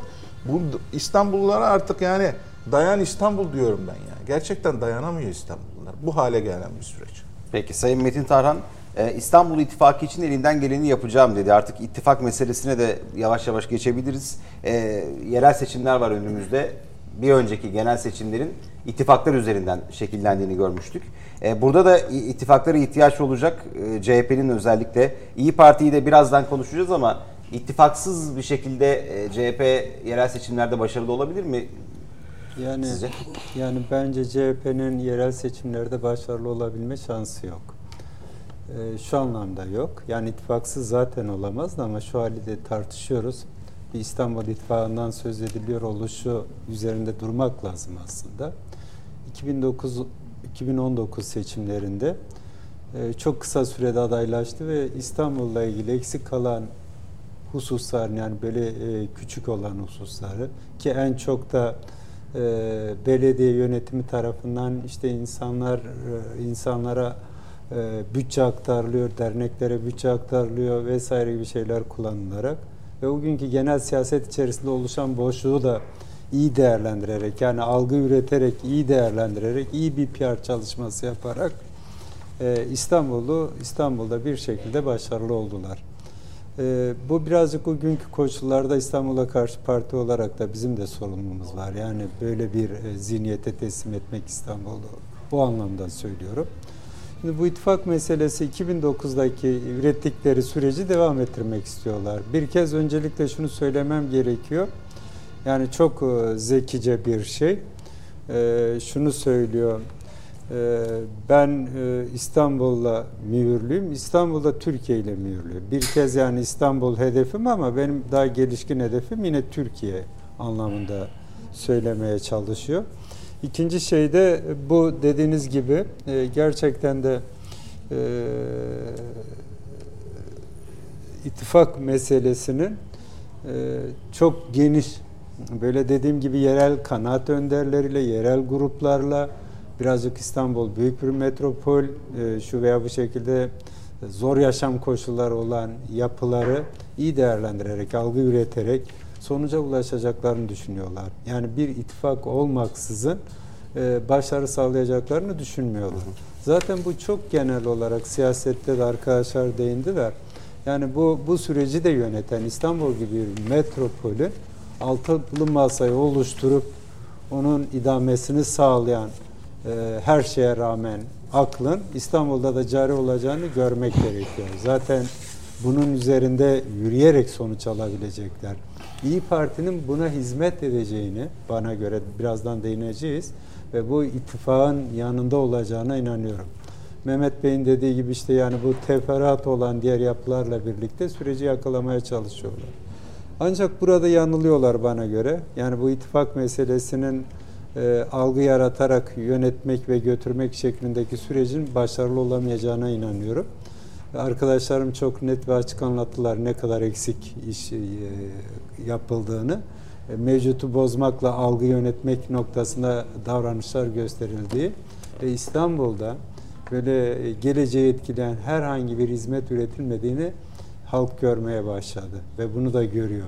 O 2019'daki kısa sürede çok etkin ve e, yaratılan boşlukları çok iyi değerlendirerek sonuca ulaşacak ulaşacak e, koşullar mevcut değil. Yani seçmen düzeyinde algılanabilen e, aldatmalar ve yanıltmalar olduğu görülüyor. Ve bunu çok genç insan da görüyor. E, bir şekilde bir değişim işte bir insan çıkıyor demokrasiden söz ediyor işte şunu kucaklayacağım 16 milyonu kentiz filan böyle e, İstanbul'da değil aslında. Genel politik söylemleri onu da İstanbul'da kullanarak İstanbul'un spesifik bazı durumlarını değerlendirerek sonuca ulaştı. Bugün onların yeri yok. Ve çok zekice bir şey daha söyledi ve diyor ki benim rakibim belli. Zaten AK Parti'de çıkabilecek herhangi bir aday bundan sonra zaten güçlü bir aday. Öyle bir duyumu ve bilgisi yoktur. AK Parti henüz bir aday işaret etmiş değil ve değerlendiriliyor. Ee, o bakımdan bunu söylerken şunu söylemeye çalışıyor. Bakın çok güçlü bir rakip geliyor. Ancak ben ve yaratacağım ittifakla bunun karşısında durabiliriz. Aksi takdirde siz ufak bir yanlış yaparsanız biz başarısız oluruz. Onu zekice kullandığı bir durumu durum olarak algılamak gerekiyor. Bu bakımdan e, bu sürecin e, şu veya bu şekilde yine bir ittifak üzerinden gerçekleşeceğini, dağılmayacağını ne olursa olsun e, ortaya çıktığını bizler açısından, AK Parti açısından hiç mühim değil. Ve AK Parti biz bugün belki e, Coşkun Hoca bir e, konuşuyoruz işte reklamını yapıyoruz filan. Ama bu gerçekleri nasıl halka anlatacağız? Bir şekilde konuşmamız gerekiyor. Sahte yüzleri, sahte davranışları nasıl anlatacağız? Konuşmamız gerekiyor ve konuşuyoruz. Ve halkımızın da bizi anlayacağına inanıyorum. Böyle ittifakla, benzer algı idareleriyle e, yürüyenebilecek bir pozisyon yok. Halk bunu artık yutmuyor diye düşünüyorum. Peki Sayın Coşkun Başbuğ, e, İyi Parti'nin nasıl bir tavır alacağını düşünürsünüz 26 Ağustos'ta? E, yani ipleri koparır mı acaba dendi ama öyle bir ihtimal İyi Parti'ye de yani şöyle sorayım İyi Parti'nin CHP'ye, CHP'nin de İyi Parti'ye ihtiyacı var mı? Yerel seçimlerde. Şöyle, e, hani bir masayı konuşuyoruz, bir ittifak konuşuyoruz. İçinde de muhtelif partiler var. Hani diğer o küçük partilerin lafı bile edilmez de. Ama işte e, hani adı geçiyor diye konuşmak durumunda kalıyoruz. Burada esas konuşulacak üç tane yapı var. HDP, İyi Parti ve Cumhuriyet Halk Partisi. Şimdi bu üç partiye baktığın takdirde eriyen Cumhuriyet Halk Partisi, onunla birlikte de çöken diğer partiler böyle bir tablo var ortada. Ama İyi Parti e, özellikle Akşener hakikaten siyasi bir kurnazlık yaptı ve seçim gecesi daha sonuçlar netleşmeden çıktı. Ondan sonra dedi ki İyi Parti olarak oylarımızı koruduk. Harita, hatta tarih de verdi. 25-26 Haziran yanlış hatırlamıyorsam. 25-26 Haziran'da da kongremize gideceğiz. Bizim için bir sorun yoktur dedi. Ve o akıllı bir hareketti. Bir anda bütün dedikodu, alttan gelen tepki, her türlü manevranın önünü kesti. Bir yol haritası koydu. Ve bana göre iyi de bir kurnazlık yaptı. E şimdi hemen arkasından gene İyi Parti masayı ilk dağıtan oldu. Sözde tırnak içinde söylüyorum. Ne dedi? İyi Parti'den önüne çıkan isimler. Ya dedi biz e, bu saatten sonra ittifakın neyini konuşuyoruz dedi. O seçim içinde oldu bitti dedi. Artık dedi masa diye bir şey yoktur dedi. Ben o dönemde de dedim ki bu bir oynatma, bu bir tiyatro ve işin doğrusu bu masa halen devam ediyor ve son güne kadar da bu masa varlığını sürdürecek. Yani destekleyen güç dağılın diyene kadar. E şimdi e, böyle bir durumda e, şu tablo bana göre milletçe görülmeli. Şimdi bir ittifak kuruldu. Bu ittifakın içerisinde hayatta bir araya getirmeyeceğin yapılar el ele verdi. Şimdi bu aslında tarafsız olayı değerlendirene, meseleye biraz böyle dikkatli bakana Türkiye'de oynanan oyunu da gösterecek çok net bir örnek. Tıpkı FETÖ PKK gibi. Biz FETÖ ve PKK'yı iki ayrı örgüt gibi algıladık. Oysa ki aynı yapı tarafından yönetilen, farklı isimlerle sahaya sürülen mahlukatlardı. Bunu biz ağır bedel ödedikten sonra fark ettik. Şimdi masada da aynı şey geçerli. Yani biri milliyetçi, öbürü muhafazakar, öbürü aşırı din, e, yani radikal bir takım görüşleri var. Diğeri aşırı radikal bölücü faaliyetleri var gibi. Şimdi biz böyle görüyorduk resmi bugüne kadar ama e, enteresandır 7 hatta 8 benzemez bir araya gelebildi. Mesela benim için e, seçim günü masada kırılma anlarından biri şuydu. Hani HDP ile işbirliğini Cumhuriyet Halk Partisi kendi seçmen tabanına bir şekilde yedirir. Ya durun bakalım der aldık ama işte bölünmesin ülke diye. Ondan sonra bir siyaseten de bazı kazanımlar elde etmek için yaptık. E, dolayısıyla biz zaten özde sözde aynı yerdeyiz. Endişe edecek bir şey yok. Bu bir siyasi manevradır. Der alt tarafı konsolide ederdi. Veya e, HDP kendi seçmen tabana benzer masalı hikayeyi anlatabilirdi. Şimdi burada herkesin bir su götürür yanı var İyi Parti hariç. Çünkü İyi Parti'nin seçmeni milliyetçi muhafazakar. Yani HDP ile asla e, herhangi bir anlamda doku dokuya gelmeyecek kadar farklı yapılar. Yani biri ak biri kara. E şimdi İyi Parti'nin e, statüsü sadece HDP ile mi orantılı? Değil. Yani diğer partilerle de ilişkisini izah etmekte zorlanıyorsun. Dolayısıyla burada e, ana muhalefetin iki numaralı ismi olan bir parti olarak e, masanın da devamından yana bir hamle için e, İyi Parti Meral Akşener o siyasi çıkışı yaptı. Dışarıdan aldığı akılla onu da söyleyeyim. Ve süreci bugünlere kadar getirmeyi başardı. Şimdi ne oynuyor her parti kendi seçmen tabanına? Korkmayın biz aynı çizgideyiz. Esaslarımız belli. Biz milliyetçiyiz. Bu ülke için ölürüz. Biz bozkurtuz. Hani Kemal Kılıçdaroğlu'na kadar geldi biliyorsun bu işler. Ondan sonra dolayısıyla işi bize bırakın. Biz ne yaptığımızı biliyoruz. Rahat olun. Niye bunları söyleyecekler? Tabanı kontrol etmek için. Çünkü taban seçim öncesi bir oldu bittiğiyle bunları yaşadı. İnan hiç kimse ne döndüğünü anlayamadı. Kafalar karıştı. Ben dedi İyi Partiliyim. Ben dedi Cumhuriyet Halk Partiliyim. Fakat dedi HDP ile PKK ile nasıl bir arada bir çatıda bulunabilirim? Bana geliyordu İzmir'de vatandaşlar. Hocam şu işi bir anlatın bize. Nasıl oluyor bu iş? Biz işin içinden çıkamıyoruz diyen tonla Cumhuriyet Halk Partili, İyi Partili, Saadet Partili seçmen tabanda insanlar vardı. Şimdi bu e, tiyatro şu an devam ediyor Gökhan. Yani hala herkes kendi partisini toparlamanın derdinde. Bunu da en iyi yapan İyi Parti hakkını vermek lazım. Ne dedi? 26 Ağustos'ta dedi tarihi bir şey açıklayacağım. Şimdi aklı selim yorumlayalım. Ne olabilir? Daha önce de böyle çıkışları vardı Üstad. Evet, Hiç e, bunlar olmadı ki. algı operasyonu kapsamında yapılan çıkışlar. Beklentiyi e, yükseltmek mi? Elbette. Hep Şimdi yükseltip 26 Ağustos boş. vatandaş diyor ki 26 Ağustos bizim bağımsızlık savaşımızın 30 Ağustos'a götüren zaferin başladığı gün. Şimdi e, Atatürk'e soruyorlar niye 26 Ağustos? Büyük taarruza gün seçiyor. Haritaya yatırıyorlar masaya.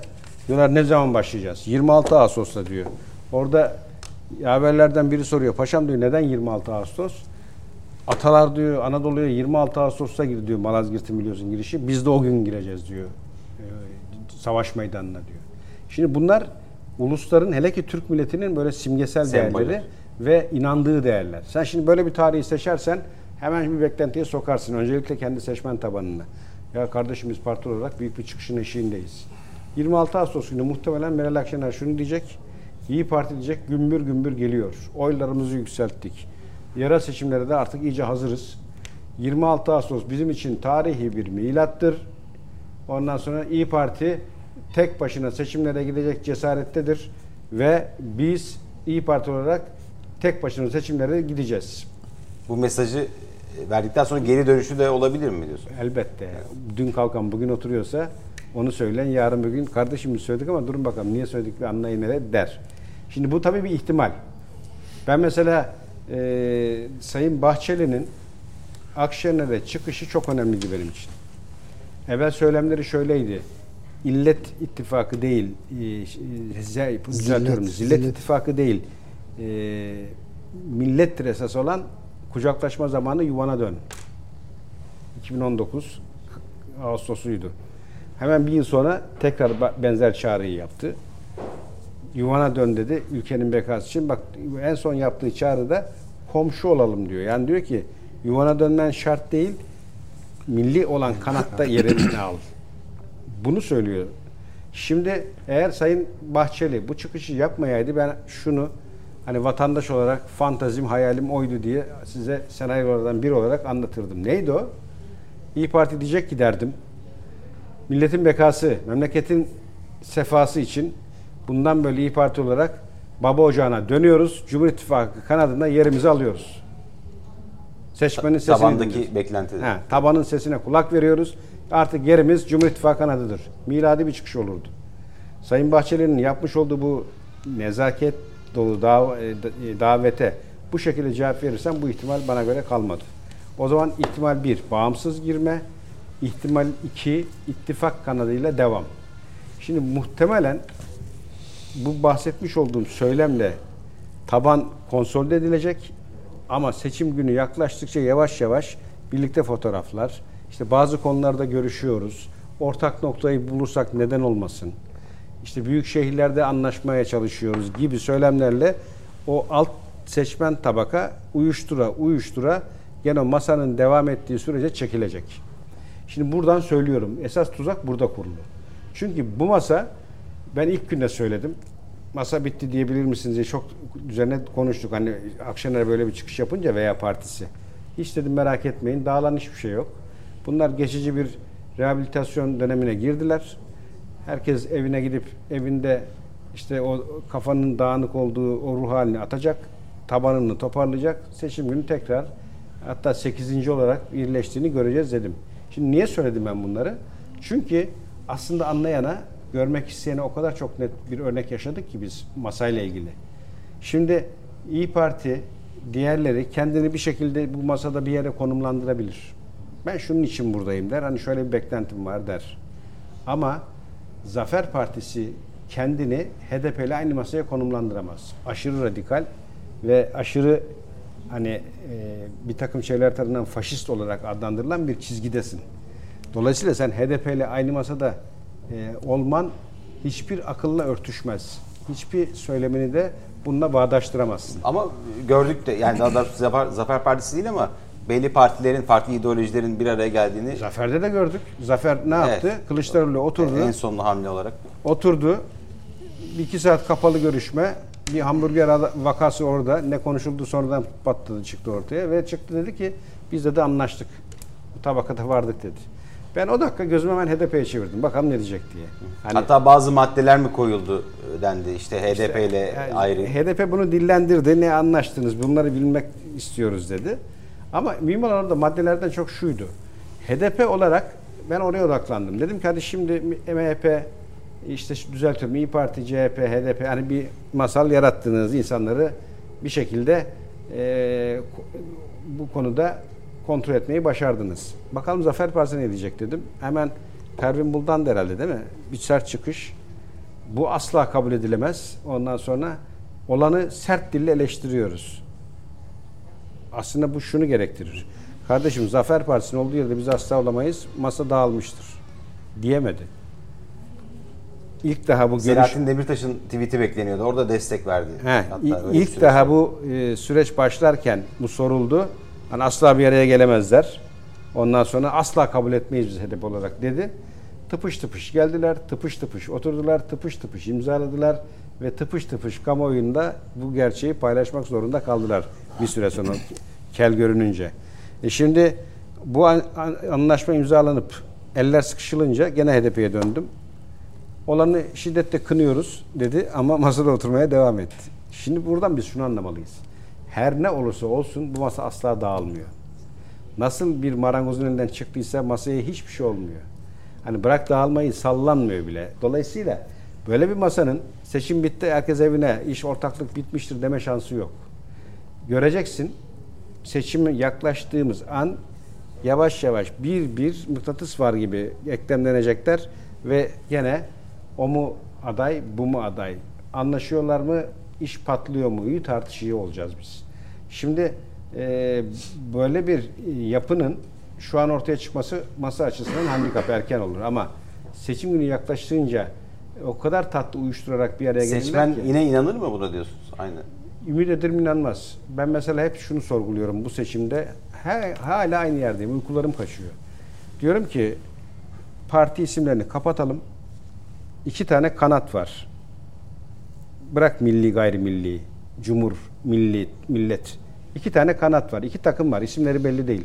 Yapacaklarını da listelemişler. Şimdi önüne koyduğun an emin ol yüzde 90 küsürle Cumhur İttifakı var ya tulum çıkarır o söylemlerle. Ben partiyi bilmiyorum. Bana diyor ki Libya'da diyor ondan sonra emperyalistlere diyor atı topraklarını yedirmeyeceğiz. Afrika'da diyor at koşturacağız. Oradaki düzeni bozacağız. Yerli milli savunma sanayini göklere çıkaracağız. Oradan şu kadar gelir elde edeceğiz. Terörün kaynağını kurutacağız. Irak'sa Irak, Suriye'si Suriye'si dalacağız. Azerbaycan kardeşlerimizi asla ortada bırakmayacağız. Türk dünyasındaki birlik ve beraberliği muhakkak tesis edeceğiz. Türk'ün gücünü dünyaya göstereceğiz ve emperyal düzeni dünyanın başına olan bu sistemi de yıkacağız. Gözüm kapalı buradayım derim. Türksem, vatanseversem ve gerçekten inandığım değerler var ise. Diğer tarafta diyor ki ülkeyi Doğu ve Güneydoğu'dan başlamak üzere bölme sürecine götüreceğim. Kıbrıs'ta iki toplumlu bir yapı asla olmaz. Rumlarla birleştireceğim oradaki Türk kardeşlerimi ve savunma sanayine derhal dışarıdan şirketlerle birleştirip yavaş yavaş eriteceğim. Dokunmuş. Azerbaycan'ı ortada bırakacağım. Ermenistan'a her türlü desteği vereceğim ve Rumlar ne diyorsa aynısını yapacağım. LGBT'yi destekleyecek. LGBT'yi destekleyeceğim gibi.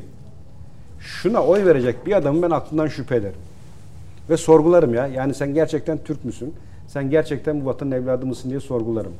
Yüzde 47 çıktı ya. Akıl alır gibi değil. Ben hala oradayım.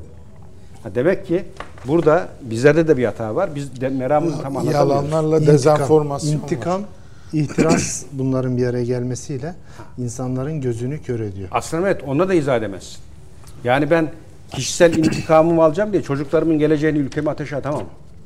Benim sorunum birebir sen neyse ben ülkeyi ateşe atamam. Yani İyi Parti hala o kongre şoklarını atıp kendi kendine yani aklı selimle bir şekilde düşünüyor. Hala o eski İşte kavgalar zaten- üzerinden mesele. Heh, benim orada üzüldüğüm, endişelendiğim, Yavaş yavaş toparlayalım.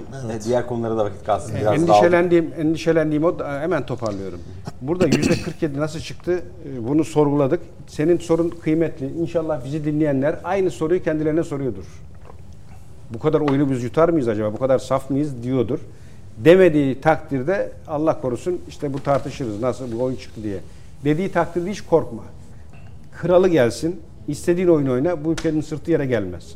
Ben inşallah bu seçimde biraz daha yani aklı selim bir kitlenin daha böyle soğukkanlı değerlendireceğini düşünüyorum. O terlik efsanesinin yıkılacağını değerlendiriyorum. Çünkü e, gerçekten bahsetmiş olduğumuz süreçte akıl tutulması denen bir dönemi yaşadık. Hadi onu bir kine dayadın. Bir takım gerekçelerle kendine bir çıkar yol buldun ama artık o hani deniz bitti. Bunun izahı göründü. Ha, izahı yok. O nedenle ne olur ülke olarak, millet olarak şu değerlendirmeyle biz sandığa gidelim. Deyip sözü sana bırakayım. Peki. Ee, Sayın Mehmet Sarı, e, MHP lideri Devlet Bahçeli'nin çıkışını siz nasıl değerlendirdiniz? Stratejik bir çıkış olarak da e, değerlendirdi. Sayın Coşkun Başbuğ önemli bulduğunun altını çizdi. Komşu olalım e, ve red cevabı geldi. E, hatta sonra karşılıklı atışmalar, girişte de ben hatırlatmıştım. İyi Parti, şey, düzelteyim, MHP Genel Başkan Yardımcısı e, çıktı ve yani teröristlerle bile aynı masada oluyorsunuz. Biz çağırınca gelmiyorsunuz dedi. E, nasıl değerlendirmek gerekir? E, Çok önemli bir çağrı. Sayın Devlet Bahçeli, yani biliyorsun bu az evvel de e, biraz Coşkun abiye müdahale gibi oldu. Yani kongreler süreci yaşandı. O özellikle e, MHP'den ayrışma sürecinde, genel başkanlığa adaylık sürecinde Sayın Devlet Bahçeli'ye karşı organize bir bazı girişimler söz konusu oldu. Öyle ya da böyle parti içerisinde mücadelede e, bir yol alınamadı, partinizi kurdunuz, gittiniz. Tam bunlar hepsi anlaşılabilir. Siyasette yeni bir yol kurdunuz ve devam ediyorsunuz istikametiniz. Siyaset yapma hevesiniz tamam. Bunlar hepsini anladık. Fakat sorun şu. Bakın bugün mesela basında da birkaç yerde de gördüm. Yani FETÖ ile, PKK ile, DHKPC ile yani Türkiye düşmanlarının pozisyonel itibariyle aynı atmosferde, denklemde bulunması anlaşılabilir bir şey değil. Bunun mantıkla, akılla izah edilir bir yanı da yok. Yani özellikle HDP kitlesinin ve seçmeninin ve tabanının bunu kabul etmesi ve içine sindirmesi de gerçekten Türkiye'nin geleceği açısından çok ciddi e, endişeleri de beraberinde getiriyor. Yani intikam ve ihtirası harmanlayıp bu öyle bir düşmanlığa çevirip Türkiye'de bundan sonra Türkiye'nin geleceği adına Türkiye siyasetinde iddialı olmak adına pozisyonel bir durumda kalmak, bir başka ittifak zemininde bulunmak gerçekten bu millete karşı yapılabilecek en büyük kötülük olduğunu ifade etmem lazım. Yani ben özellikle MHP Genel Başkan Yardımcıları, İyi Parti Genel Başkan Yardımcıları, bu Sayın Genel Başkan Yardımcıları arasındaki bu tür diyalog zemininin sert sözlerin vesaire filan hepsinin dışında konuşuyorum. Çünkü sonuç itibariyle burada yani FETÖ'nün bu ülkeye yaşatmış olduğu girdapları, tehlikeleri Amerika'dan, Avrupa'dan, Almanya'dan onların çıkarları adına Türk milletinin, Anadolu evlatlarının menfaatlerini, çıkarlarını nasıl beş paraya sattıklarını artık hücrelerimize kadar hissettik. Yani bunu sonuna kadar yaşadık. Acılarını hissettik. Ekonomik, siyasal, ülkemizin itibarı, insanımızın yaşadığı sendromların hepsini yaşadık.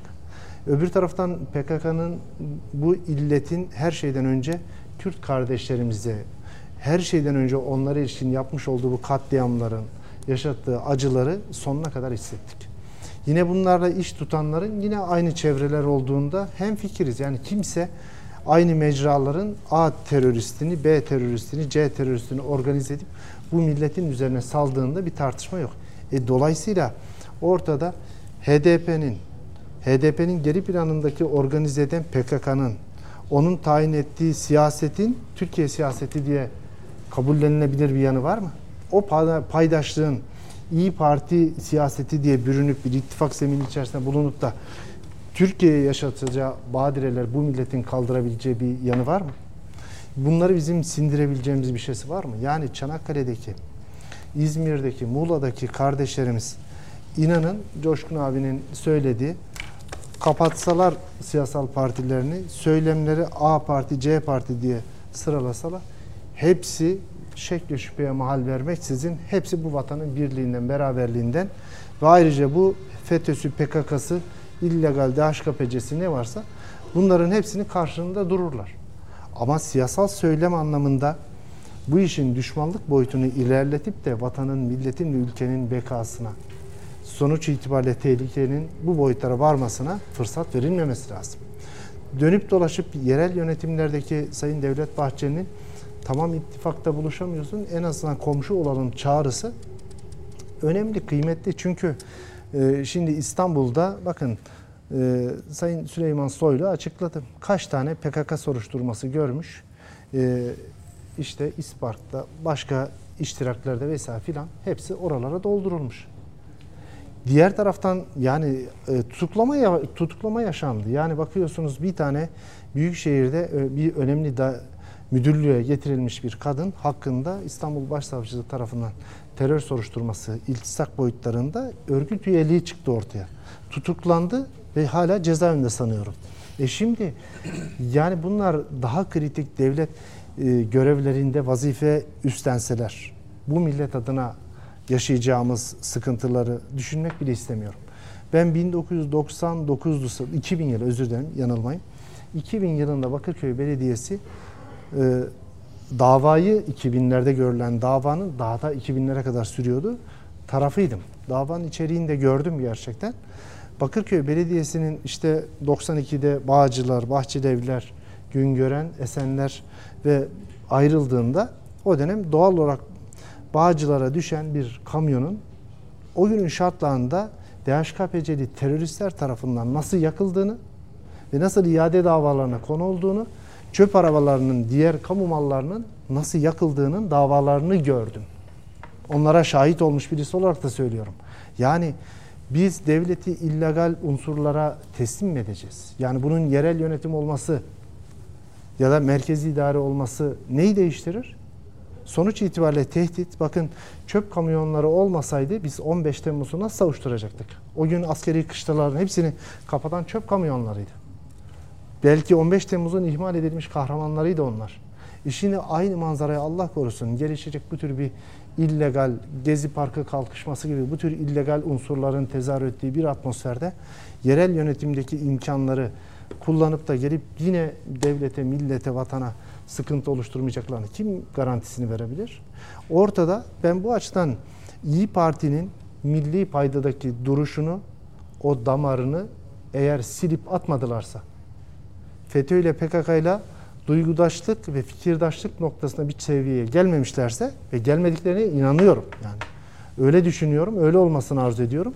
O bakımdan sonuç itibariyle dönüp dolaşıp Türkiye'nin milli paydasında en azından milli paydasında yer tutmalarını, pozisyon olmalarını Sayın Bahçeli'nin dediği gibi komşu olmalarını ben de bekliyorum gerçekten. Sonuç itibariyle çünkü bu beklentim sadece bizim şahsi bir e, şeyimizin ötesinde vatanın, milletin, ülkenin gerçekten bekası adına bir durum.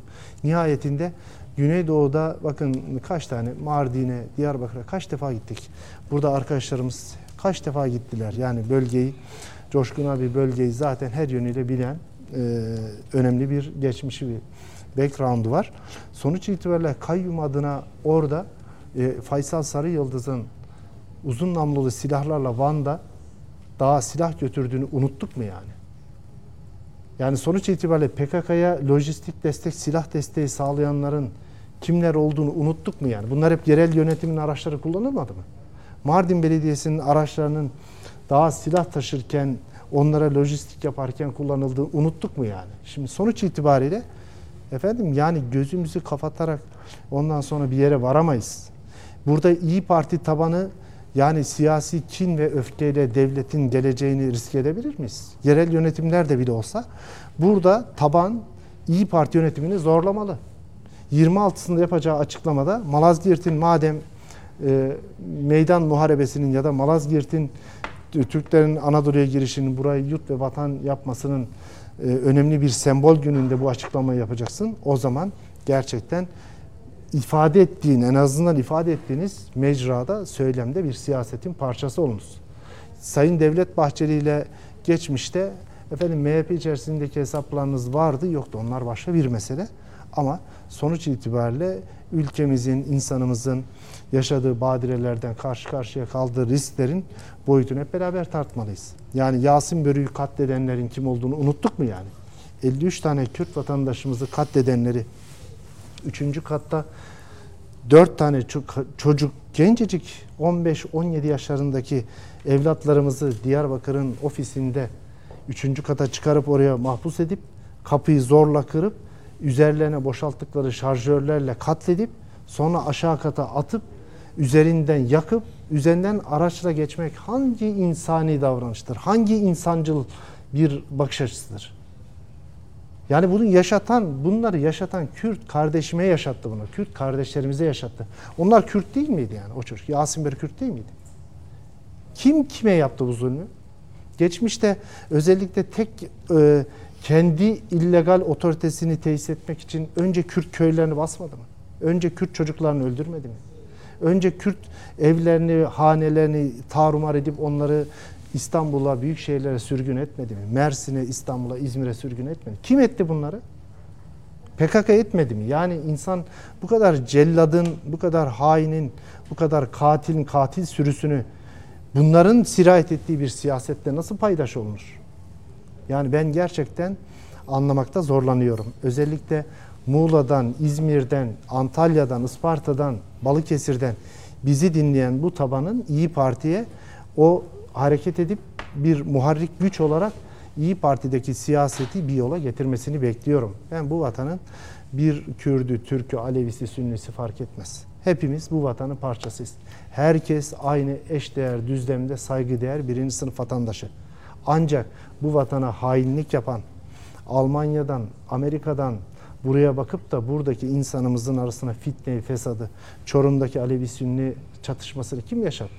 Çorumlular diyor ki kardeşim biz böyle arada bir kavganın parçası değiliz. Dışarıdan gelen bu illeti def ederiz diyor.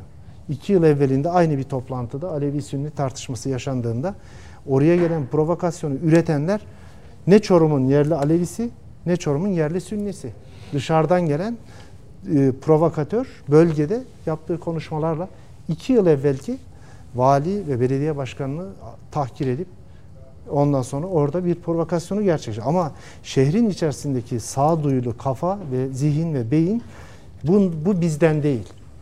Peki. Bu buranın Alevisi, bu buranın Sünnisi değil diye reddettiler topluca. Artık biz bunları açtık dediler.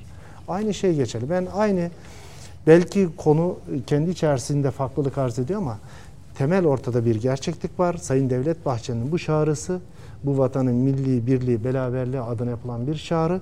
En azından ittifak noktasında değilsen bile komşu olalım çağrısı gerçekten bu vatanın selameti adına önemli bir çağrı. 2019'da da yaptıydı Sayın Devlet Bahçeli. Sonrasında yine genel seçimlerde de yapmıştı bu çağrıyı. Şu an yerel seçimler arasında bir daha yapıyor. Ben İyi Parti eğer bu noktada bir daha direnirse son parlamentoda temsil eden son grubu saymazsak grup partiler arasından 5. sırada çıktı. Ama iddiaları ana muhalefet olma iddiaları vardı. Bu zemin kayıpları İyi Parti'nin lehine gelişmediği gerçekliğini hatırlatmak istiyorum. Peki. Yine reklam arası zamanı geldi. Reklamlardan sonra e, konuşmak lazıma devam edeceğiz. Konuşmak lazıma devam ediyoruz. MHP lideri Devlet Bahçeli'nin İyi Parti'ye yönelik çağrısını ve o çağrının yansımalarını konuşuyorduk. Ee, hemen e, hem Sayın Ahak'ın hem e, Sayın Taran'dan yorum alayım. Sonra şu hem Disney Plus meselesi hem de Tamer Karadağlı'ya e, gelen tepkileri konuşuruz. Sayın Ahak'ın siz bu çağrıyı nasıl değerlendirdiniz? Tabana bir mesaj olarak da algılandı MHP liderinin çağrısı. ve red yanıtı geldi. Yani genel itibariyle Sayın Bahçeli'nin de geçmiş e, dönemlerde yapmış olduğu çağrılar vardı. Tamamen e, yani İyi Parti'nin bence tabanına yönelik bir çıkıştı ve e, İyi Parti'nin 26 Ağustos'ta e, yapmaya açıkla, açıklama yapacağı açıklamaya ilişkince bence Bahçeli büyük bir hamle yapmış oldu.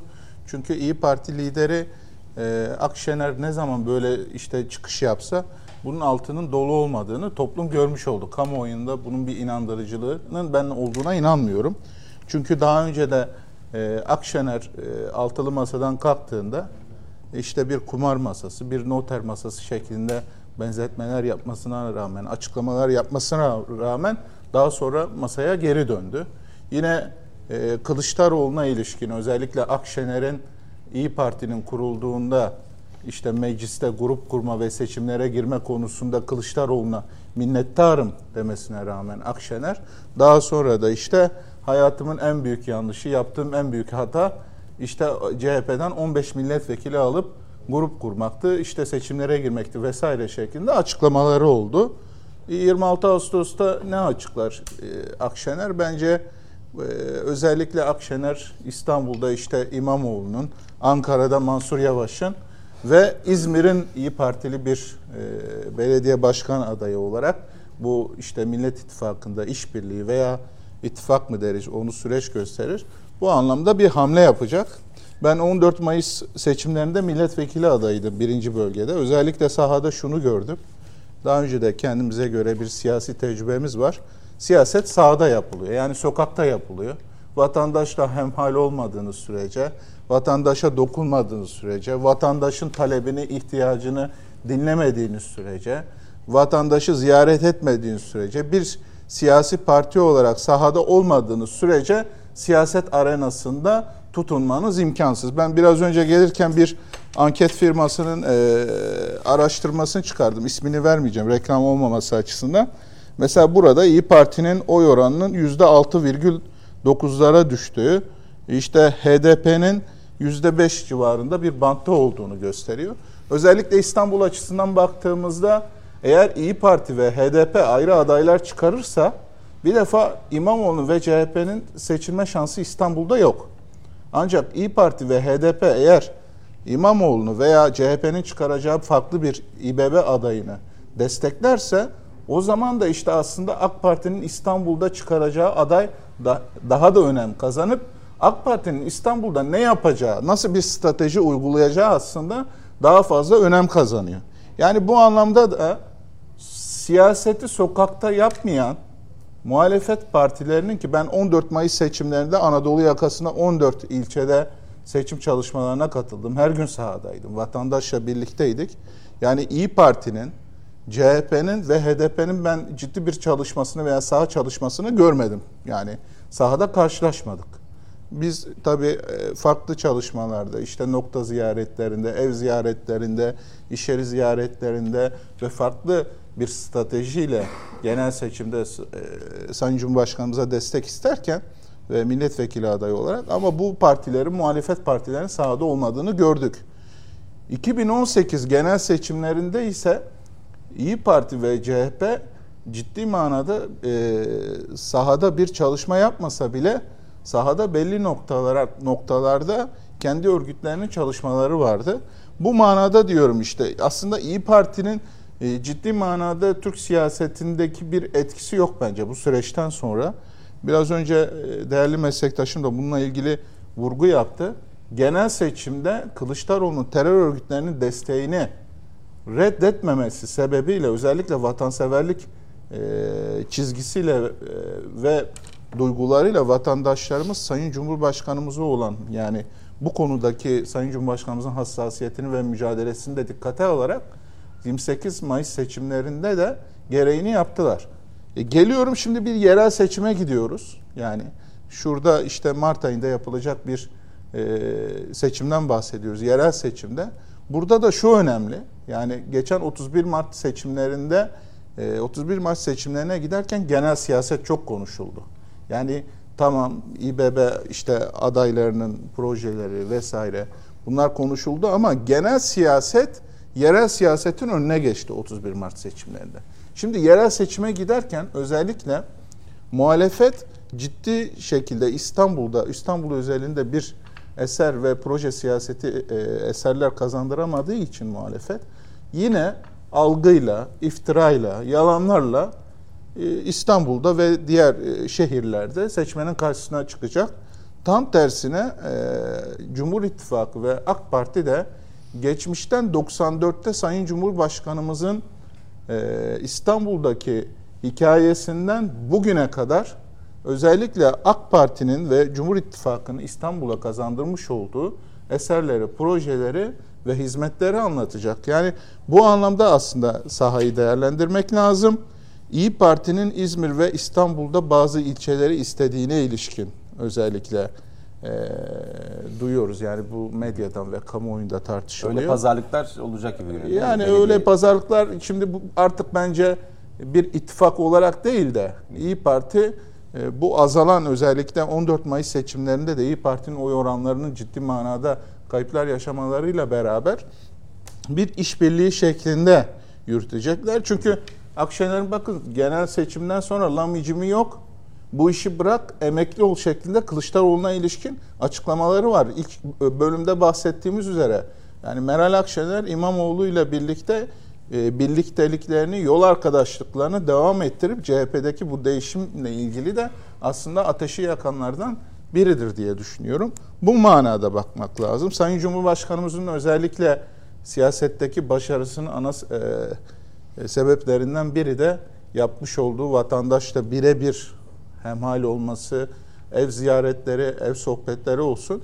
Yani birebir vatandaşla temas kurmadan siyasette algıyla ve manipülasyonla muhalefet hiçbir yere varamaz. Zaten e, Türkiye'nin ciddi bir muhalefet sorunu var. Bu da ayrı bir konu diye düşünüyorum. Peki. Sayın Metin Tarhan, e, İyi Parti'de şimdi taban zaten rahatsızdı. E, genel seçimler öncesi de bu çok konuşulan bir konuydu. Hatta e, oy kaybını da e, bu yüzden yaşadı İyi Parti. E, şimdi e, MHP liderinin çağrısı e, o tabandaki kitleyi e, den yani İyi Parti'den kopuşları arttırır mı? E, eğer bir birleşme olmaz ki ki red cevabı geldi. Evet. Tabanı nasıl, nasıl etkiler? Evet. evet. Yani öncelikle şunu söyleyeyim. Sayın Devlet Bahçeli'nin çağrısı çok değerli ve çok önemli. Ee, Mustafa Destici de milliyetçilerin bir araya gelmesini sağlayan her türlü çaba ve çağrıya katıldığını söyledi. Bunu önemli. Yani Devlet Bahçeli bunu bir taktiksel anlayışla yapmadı. Tamamen doğal mecrasında bir beyan olarak görmek gerekiyor. Ee, hakikaten yani kendisini milliyetçilikle adlandırılan bir yapının e, ülkeyi e, ülkenin eksilmesini, zayıflamasını isteyen yapılarla bir arada görülmesine gönül razı gelmiyor. Bunu böyle değerlendirmek gerekiyor. İyi Parti kurulduktan sonra işte 2019 yerel seçimlerinde e, kendi adaylarıyla 22 vilayette seçime girdi ve hiçbirini kazanamadı. Çok böyle kalabalık olmayan bazı ilçelerde seçim e, alındı. O da çok böyle etkileyici bir sonuç değil ve bir kısmı da parti değiştirdi. Yani en güçlü dönemindeyken e, belediye başkanlığı e, kazanamayan İyi Parti'nin ittifaksız yürüyebilme şansı yok. Dolayısıyla bunu gören Devlet Bahçeli de ittifakla en azında İyi Parti'nin de güç kazanmasına katkı sunabilecek bir şeydir. Eğer buna icabet edilmiş olsa İyi Parti varlığını sürdürebilir ve güçlenebilir belki. Ama İyi Parti'nin bu noktada olmadığını düşünüyorum. Buna icabet etmedi ve reddettiler. Belki de işte e, Mayıs seçimlerinin öncesi kurulan masanın bir uzantısı gibi Coşkun Hoca söyledi. Belki ona bağlamak gerekir. Belki bu konuda konuşulacak çok şey var. Konusunun dışına çıkmaması açısından söylüyorum. İyi Parti'nin yani Devlet Bahçeli'nin o doğal açıklaması, Hı. taktik olmayan açıklaması İyi Parti'nin gelmemesi durumunda azalan oyunu daha da azaltacağına inanıyorum ve gerçekten de tabanda tabanla İyi Parti yönetiminin de çok örtüşmediği bir sürece doğru gidiyoruz. Yani siyaseten de sorgulanabilir hale geliyor. Tabanın biraz daha farklı davranacağını ve gerçekten de İyi Parti'nin oylarının daha da azalacağını ve bu nedenle İyi Parti bir ittifaka ihtiyaç duyuyor. İnşallah yeniden değerlendirip Cumhur İttifakı'yla Sayın Devlet Bahçeli'nin dediği komşu olma olgusuna cevap verirler. İyi Parti'de e, milliyetçiliğiyle anılmış olur ve güç kazanmış olur. Aksi takdirde İyi Parti'nin e, tabanının e, çok ciddi bir şekilde kayacağına inanıyorum. Peki. Ee, sonra doğru gelirken e, bir diğer meseleye geçebiliriz Sayın e, Coşkun Başbuğ. Ee, Tamer Karadağlı e, Devlet Tiyatroları Genel Müdürü olarak atandı Sayın Cumhurbaşkanı tarafından ve sonra bir anda bir linç kampanyası başlatıldı. Ee, yakın bir zamanda e, bir dijital platformun e, Atatürk dizisini yayınlamadığını biliyoruz. E, işte Ermeni lobisi tarafından. Buna tepki göstermeyenler de olmuştu ama o tepki göstermeyenlerin Tamer Karadağlı meselesinde seslerini yükselttiklerini duyduk. Bu arada Tamer Karadağlı da ilk tepki gösterenlerden biri e, o meseleye, e, Disney Plus meselesine. Siz bu tartışmaları ve uğralılan bu linçi, linç kampanyasını neye bağlıyorsunuz? Zaten Tamer Karadağlı'nın o tepkiyi göstermesi, linç edilmesi için yeterli sebep. Şimdi Türkiye'de sanatçıları ikiye ayırırım ben hep baştan beri. Bir psikolojik harp uzmanı olarak geçmiş tarihi bugüne kadar neredeyse tamamını yalamış yutmuş biri olarak ben sanatçı ekibi ikiye ayırırım. Bir, Tamer Karadağlı gibi tırmalaya tırmalaya tırnaklarıyla oralara gelen ve yaptığı sanatla anılan ve o sanatın karşılığı bu makamlara erişen kitle bu hangi sanat olursa olsun ister ses sanatçı ister tiyatro sanatçısı fark etmez. Bir de proje. Yani bir takım güçlerin oraya getirdiği gün ve saat geldiği an toplumları, kitleleri yönetmek üzere de hazırda beklettiği hazır askerleri diğer sınıfa koyarım. Bugün herkesin aldığı pozisyona göre bu iki sınıfa izleyenler lütfen tasnif etsin. Örneğin ben sanatçı kisvesi altında Batı ile aynı ağzı konuşuyorsam, işte bir Güney Kıbrıs Rum kesim vatandaşı, bir Ermenistan vatandaşı gibi söylemlerde bulunuyorsam bilin ki beni oraya bir güç getirdi. Ben öyle sanatımla falan değil, toplumları, kitleleri, bana inananları veya bana gönül verenleri yönlendirmek üzere bir takım güçler tarafından oraya getirilmişimdir. Şimdi bu, bunu en iyi o Disney'de gördük. Şimdi Atatürkçü geçinen, böyle toz kondurmayan ama Atatürk'ü yolda görse tanıyamayan, tanıyamayacak olan bir kitle söylemlerde, eylemlerde böyle 10. yıl marşları işte görsen dersin ki bunlar vatan için kelleyi kılıcın altına yatırır. Oysa hiç alakası yoktur. O manipüle etmek için toplumları bilerek bir güç tarafından bu role soyundurulmuştur. Gün ve saat geldiğinde kullanmak üzere. Bunların gerçek yüzünü nerede anlarsın? İşte Disney gibi vakalarda anlarsın. Disney benim inandığım, gerçek Atatürkçü olduğum ve temelden yetiştiğim değerleri bir kenara atacak şekilde bir tepki verdi. Ve ben de vatansever Türk evladı olarak her vatandaş gibi buna tepki gösterdim. Dedim ki böylesi bir yapı ve kuruluşun Türkiye'de yeri olamaz. Üyeliğimi iptal ediyorum. Disney denilen bir kuruluşu da tanımıyorum. Ve devletimden de rica ediyorum. Sözleşmesini feshederek bizi hiç böyle boş işlerle uğraştırmasın. Kökten, ülkeden e, hizmeti sonlandırıp bertaraf etsin. Bunu şimdi ben vatandaş olarak isterim. Doğru olan da budur. Tamer Karadağlı da onu yaptı. Şimdi burada e, o güne kadar Atatürkçü kesilen, Atatürk'ten geçinen, Atatürkçü geçinen kitleler konu Disney olunca üç maymun oynadılar tık yok. Niye? Çünkü yular yular o Disney'i yöneten güçlerin elinde. Parayla oynatırlar, parayla söyletirler ve parayla sahaya sürerler. Çünkü onlar asla Atatürkçü, asla bu vatan evlatları, asla bu vatana kendine ait hissedenler değildir. Ve işte böyle bir olayda maske düşer. Millet yerle bir etti. Alabildiğine haklı olarak tepki ortaya koydu. Ve alabildiğine hakaret etti. Hepsi yaladı, yuttu, süpürdü. Hiçbir şey yokmuş gibi günlük hayatına devam etti. Ve göreceksin o sanatçı geçirenlerin, o o bahsetmiş olduğumuz kisvenin hepsi yarın bugün toplum önüne çok pişkince çıkacaklar. Ve yine Atatürkçü geçinecekler. Yine 10. yıl marşı söyleyecekler.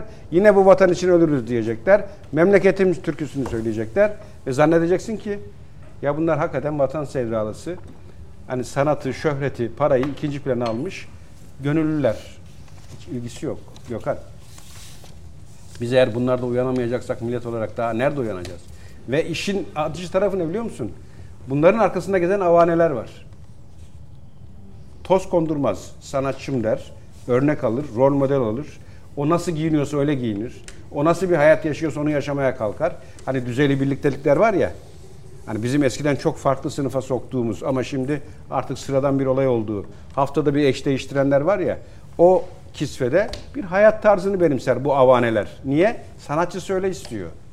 O sanatçı niye böyle yapıyor? Çünkü onu veren emri veren ona emri veren hiç tanımadığı bir sanatçıyla bir anda haberi yapar. Müthiş birliktelik. Bir hafta sonra ani ayrılık. Niye? Çünkü biz o hal öyle olduğu için bu hale geldik. Şimdi Disney benzer yol arkadaşı ne? Netflix. Netflix'e bugün kapıya gidin bir proje götürün. Deyin ki ben vatan evladıyım. Sen dizi yayınlıyorsun ya. Ben sana bir dizi yaptım. Çok da tutar bu senaryo. Savaş kahramanlık öyküsü. Al bunu kaç paraysa vereceğim. Yayınla kanalını de. Asla kapıdan içeri giremezsin. Niye? İlk soracakları soru şu. Bir eşcinsel ilişki, bir gayri nizami ilişki var mı senaryonda?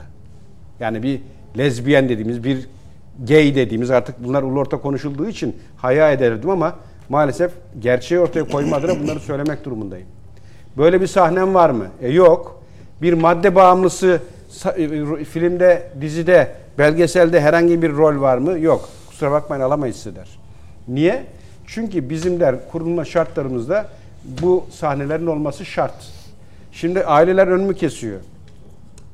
Hocam diyorlar ailece oturup bir şey seyredemiyoruz.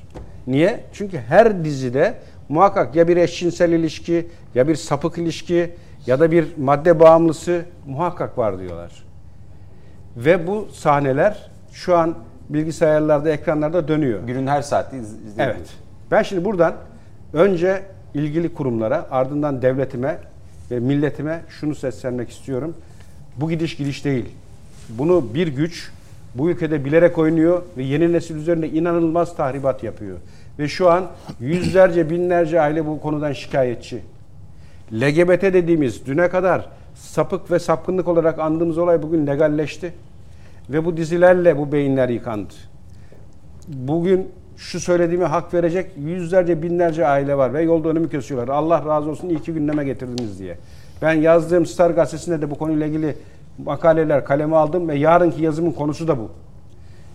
Türkiye'de bir üniversitede, devlet üniversitesinde böyle cinsel kimlikle ameliyat yapıp 18 yaş altında çocukları farklı yerlere getirmek isteyen olaylar patladı. Yazıyor Yeni Şafak haber yaptı. Tebrik ediyorum Yeni Şafak'ı. Ve bunlar başkentin yani Ankara'nın, İstanbul'un göbeğinde oluyor bu olaylar. Ne zaman müdahale edeceğiz? O nedenle burada acilen yapılması gereken şu. Burada değerli siyasilerim var. Biz bu kadar aciz devlet değiliz. Acilen Netflix'miş, Disney'miş sözleşmesini iptal edip ülke dışına gönderilmeli. Ben neticede geleceği nesli kaybediyorum ya. Bunun parayla, pulla, demokrasiyle örtüşecek tarafını gösterebilir misin bana? Dolayısıyla buradan haykırıyorum. Vakitte daraldı. Diğer hocalarıma da söz kalsın. Birileri psikolojik harp kapsamında gençlik üzerine oynuyor. Bu oyunu bozmanın tek yolu benim bahsettiğim olay. Yoksa anneler babalar feryat ediyor. Çocuklarımızı nasıl koruyacağız hocam ne tavsiye edersiniz diye. Sen bir yere kadar korursun. O çocuk o dijital dünyanın içinde gezdikçe, o çocuk dışarıda sosyal dünyayla, sosyal ortamda mesajlaştıkça e, bu tehlikeli her an karşı karşıya kalmaya mahkum. Dolayısıyla burada yapılacak iş devlet olarak acilen tedbir almak ve bu yapıları bir denetimden geçirerek ya bizim istediğimiz çizgiye getirmek ya da sözleşmesini feshedip ülke dışına göndermek. İnanın çok şey kazanırız, hiçbir şey de kaybetmeyiz. Buradan söyleyeyim. Peki. Ee, Sayın Mehmet Sarı aslında Tamer Karadağlı'yı sormuştum ama önemli olduğu için e, ki bağlantılı da aslında e, bu Disney Plus meselesiyle Sayın Coşkun Başbuğ konuyu biraz daha açtı. E, Tamer Karadağlı meselesine gelecek olursak e, tiyatro geçmişi olan bir ismin e, bu göreve atandığını düşünüyoruz, gö- görüyoruz. Sayın Cumhurbaşkanı değil de başka bir şekilde atansaydı bu kadar tepki gelir miydi? İnsanın aklına böyle bir soru da geliyor ama nedir bu tepkinin temel sebebi size göre? Benim benim kanaatim şu. Tamer Karadağlı'nın e, ata, e, atanma yönteminden değil de Tamer Karadağlı'nın duruşundan kaynaklı. Yani e, özellikle o söylemlerinden kaynaklı bu hedef haline getirildiği gerçekliği var. Şunu demeye çalışıyorum. Yani milletin paydasına milli ve değerlerimize dönük olarak bir paydada Coşkun Hocam'ın söylediklerini iştirak ediyorum. O paydada bir görüntü verdiğinizde otomatik hedefsiniz. Siz bu milli paydada, ülkenin milli ve değerleri paydasında bir pozisyon, duruş ve görüş sergilerseniz öyle, özellikle bu uluslararası mecralar tarafından organize edilmiş olan sosyal mecralarda, sosyal medya algısı üzerinde hep ötelenen, hep kesilen, hep tıraşlanan, hep böyle baskılanan, hep sansürlenen bir e, pozisyonda kalırsınız. Bununla ilgili bakın mesela Türkiye aleyhine Türkiye'nin mevcut değerleri ve milli paydası üzerinde görüş serdeden bu anlamdaki sanatçı olsun, fikir adam olsun, gazeteci olsun, kim olursa olsun, popüler bir sanatçı olsun.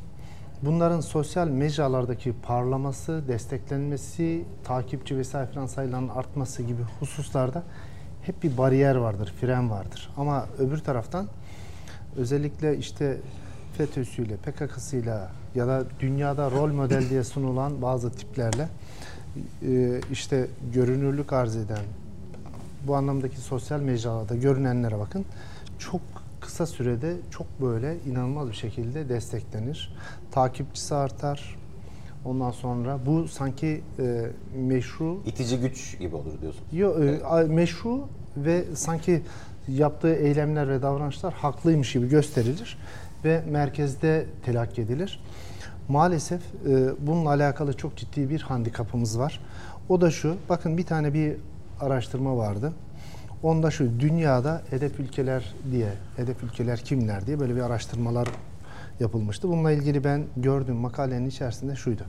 Türkiye dünyada en çok dezenformasyona maruz kalan ülkeler arasında ilk başlarda geliyor. Yani 1, 2, 3'te, ilk 3'te.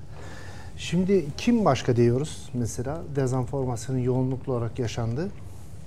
Yoğunluklu olarak bu sosyal mecraları üreten ülkeler, buralardaki bu içerikleri ortaya koyan ülkelerin tahkir ettiği, ötekileştirdiği ve baskıladığı ülkeler hedef halinde olduğu gerçekliği var. Türkiye'de bunların başında geliyor. Sebep şu, karşımızda uluslararası kirli bir siyasetin yansımaları var. Ama efendim uluslararası kirli siyaset sanatın neresinin ne alakası var gibi sorgulanabilir. Ama maalesef özellikle bizim gençliğimiz üzerinde bu dezenformasyona, bu illegal yapılara, bu işte e, ahlakını bozan, cinsiyetini, fizyolojisini bozan bu e, işte illegal akımlara karşı Türkiye gibi ülkeler maalesef çok fazlaca maruz kalıyor. Mesela Kore grupları var. Biliyorsunuz bunlar özellikle cinsiyetsiz diye özellikle seçilen bir gruplar. Çünkü tıraş olmuyorlar. ya da yüzlerinde, ciltlerinde şey çıkmadığı için ara bir e, yani kadın erkek arasında bir figür olarak tanımlanıyor. E şimdi bu grupların organize edip de dünyadaki sosyal mecralarda popüler hale getirenler kim? Arkasında bunları fonlayan kim? Bunların bu kadar büyük popüler bir kitle olarak takip edilmesini sağlayan kim? Yine bu hedef ülkelere, bu hedef ülkelerde gündem ettirilip onları bir tanınan, takip edilen ve saplantı halinde onların peşine koşmasını sağlayan maalesef uluslararası fon grupları var. Yani bunlara adını ABC diye sıralamak istemiyorum ama hani malum Soros, Soros vesaire falan deniyor ya. O tür gerçekten İsveç'ten fonlanan, Lobiler. Amerika'dan fonlanan Lobiler. yapılar var, fo- lobiler var. Buralar bu grupların içerisindeki bu tür sapık illegal ilişki ağlarını bakın evlerinde cep telefonlarıyla kapalı odalarında bulunan çocuklarını lütfen ailelere sorgulasın. Biraz eşelediklerinde birazcık çocukların o ilişkiye giremedikleri ağ ilişkilerine bir baksınlar. Bu dediğimiz yapılara nasıl çocuklarının kendilerinin kontrol edemediği boyutlarla bu ağ ilişkilerinin içerisinde olduğunu görecekler. Onun için şüphesiz ki burada Tamel Karadağ'dan buraya nasıl geldi gibi düşünebiliriz ama bu bir kompakt ilişki. Bu bir e, Türkiye gibi hedef ülkelerdeki gerçekten milli paydada söz söylersen bu uluslararası ağların otomatik olarak seni algoritmayla seni ötekileştirdiği, seni zayıflattı, senin fikirlerinle, duruşunla, görüşünle seni böyle baskıladığı bir atmosferin parçası olursun. Ve oluyor maalesef. Öbür taraftan Eğer sen diğer türlü mesela başka bir zararlı akımların parçası gibi olursan da o zaman fenomen olursun. Takip edilen, kitlen, takipçilerin arttığı bir hal olursun. Maalesef mücadele etmemiz gereken bizim dışımızda başka bir yapı ve güç odağı oluşuyor ve gelişiyor. Bunlar maalesef sosyal mecralar üzerinde yürüyor. Bunlara karşı mücadele öyle sanıldığının ım, aksine sadece ben Coşkun Hocama bir yere kadar katılıyorum. Yani yasaklamak evet A şıkkını, A grubunu, A, B servis sağlayıcını ya da onun teşvik ettiği bir tane programı yasaklarız, Ama kapatırız. başka- değil mi? Ama başka bir mecra Dijital tezahür ediyor ortamdayız. başka bir sınırsız alan Evet. tezahür ediyor. Dolayısıyla burada doğrudan ben Milli Eğitim o sonuna kadar katılıyorum. Milli Eğitim Bakanlığı'nın, Diyanet İşleri Başkanlığı'nın bunun yanında belki milli savunmayı ilgilendirmesi boyutuyla Milli İstihbarat Teşkilatı'nın yani devletin bir topyekün halde ilgili birimlerinin tamamıyla bu alana ayrıca ve spesifik olarak ilgilenmesi gerektiğini düşünüyorum. Şüphesiz ki hukukçuların da düşen önemli vazifeleri var. Özellikle bu sosyal ağ sağlayıcılar üzerinde mesela sosyal medya kanunu ilk çıkışında çok ciddi eleştirilerimiz oldu. Dedik ki adam Amerika'dan suç işliyor, Türkiye'deki vatandaşın tüm hakkını, hukukunu ihlal ediyor. Bununla ilgili olarak savcılar efendim IP'si yurt dışında bundan dolayı sorgulatılamıyor. E şimdi kanun çıkarıldı. Belli bir sınırlama, bant daraltma vesaire filan gibi yaptırımlarla kısmi bir alan sağlanmaya çalışıldı. Ama bu zararlı akımların, bu dışarıdan organize edilip Türkiye'de sonuç doğuranlar hakkında neticede Türk insanının kişilik haklarına, e, zihni anlamdaki e, maruz kaldığı tehlikelere karşı bu zararlı akımlar bir türlü kontrol edilemez boyutlarda devam ediyor ve katlanarak devam ediyor. Maalesef bununla alakalı ayrı bir mücadele yol ve yöntem belirlenmesi lazım. Özellikle okullara, milli eğitime çok büyük bir önem düştüğünü düşünüyorum. Diyanet İşleri Başkanlığı'na çok büyük bir görev düştüğünü düşünüyorum. Ayrıca toplumun bir bütün olarak yani e, Şimdi hani insanları paranoyaya, şüpheye sevk etmek istemiyorum ama şüphesiz ki e, yani cep telefonu evet vazgeçilmez. Dijital alanlar şüphesiz ki geldiğimiz an itibariyle vazgeçilmez.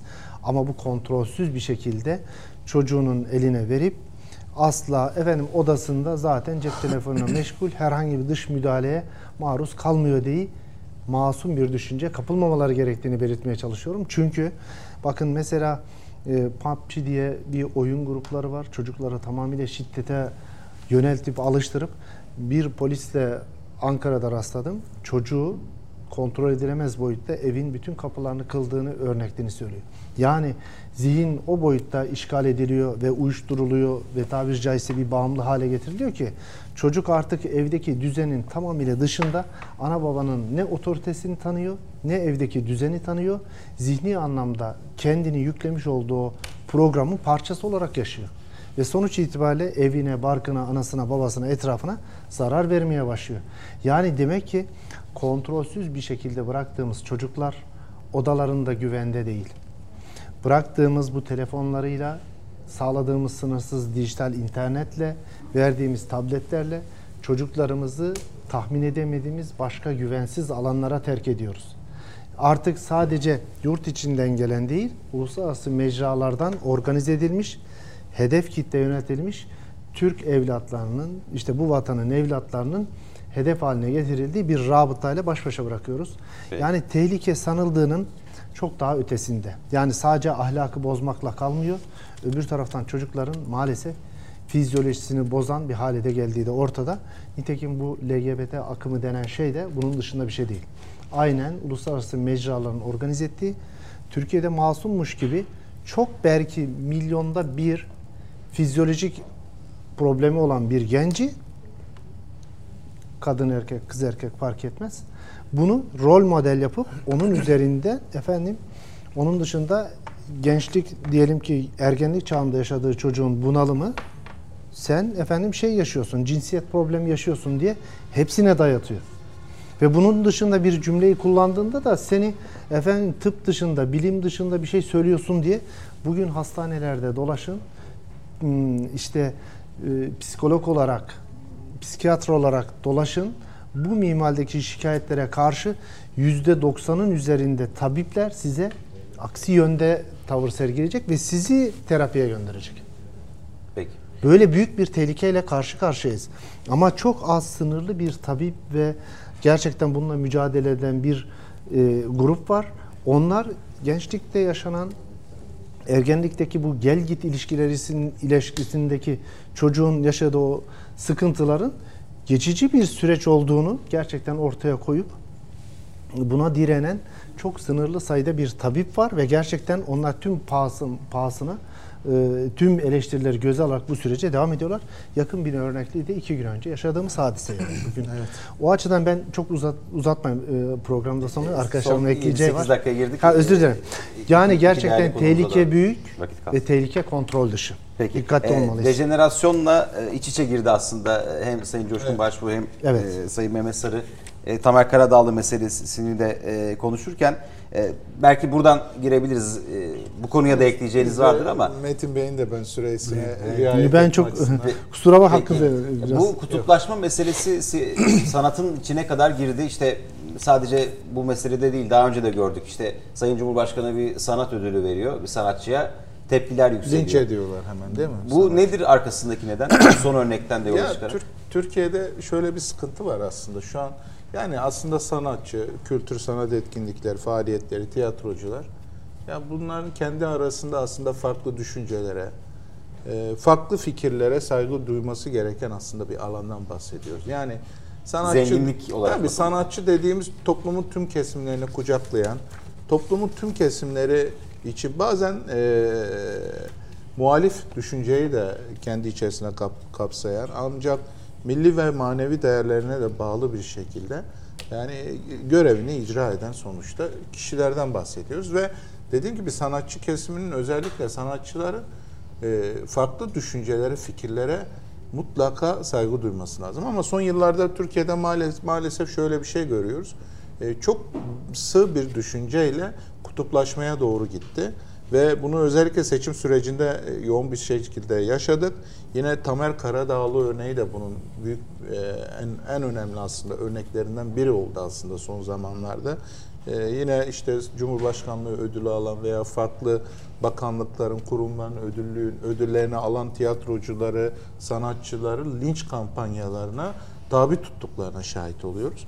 Aslında burada Tamer Karadağlı'ya neden saldırıyorlar şeklinde veya linç ediyorlar şeklinde bu soruyu sorduğumuzda çünkü gerçek bir vatansever olduğu için e, herhangi bir siyasi partiye üyeliği yok bugün benim okuduğum kadarıyla. Ancak gerçekten ülkesine bağlı, bayrağına bağlı, vatanına bağlı, milliyetçi bir kişilik olduğu için bakın Atatürk dizisini, filmini kaldıran Disney Plus'a ve Fox'a ilk tepki gösteren sanatçılardan biriydi. İşte bundan dolayı aslında linç ediyorlar. Yani baktığımızda hele bu şimdi ismini de vereceğim buradan. BKM oyuncularından 4 kişinin o yaz, yaptığı bir video vardı. Biz de sosyal medyada gördük, şahit olduk. Yani e, BKM oyuncularının kendi tiyatrocu meslektaşlarına böyle bir haksız bir defa linç yapmaları yani onun oyunlardaki o repliklerinin işte e, bir tiyatrocunun yapmış olduğu oyunların üzerine giderek bu şekilde haksızlığa ve linçe e, tabi tutmaları bir defa e, yani meslektaşına saygı göstermeyenden e, topluma nasıl bir fayda beklenebilir ki bu soruyu sormamız lazım. Bu meseleyi bu kadar kutuplaştırmaya hakları yok. Yani ben üstadımızın da Metin Bey'in de çok süresine e, çalmadan sadece şunu belirtmek istiyorum. Bu biraz önce e, Mehmet Bey'in, Coş, kıymetli Coşkun Bey'in de belirttiği üzere bu LGBT e, dayatması ile ilgili e, özellikle bence mecliste mutlaka yasal düzenleme yapılması gerekiyor.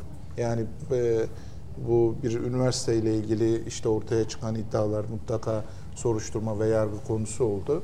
Bunlar mutlaka bu iddialar soruşturulacak. E, ciddi iddialar var.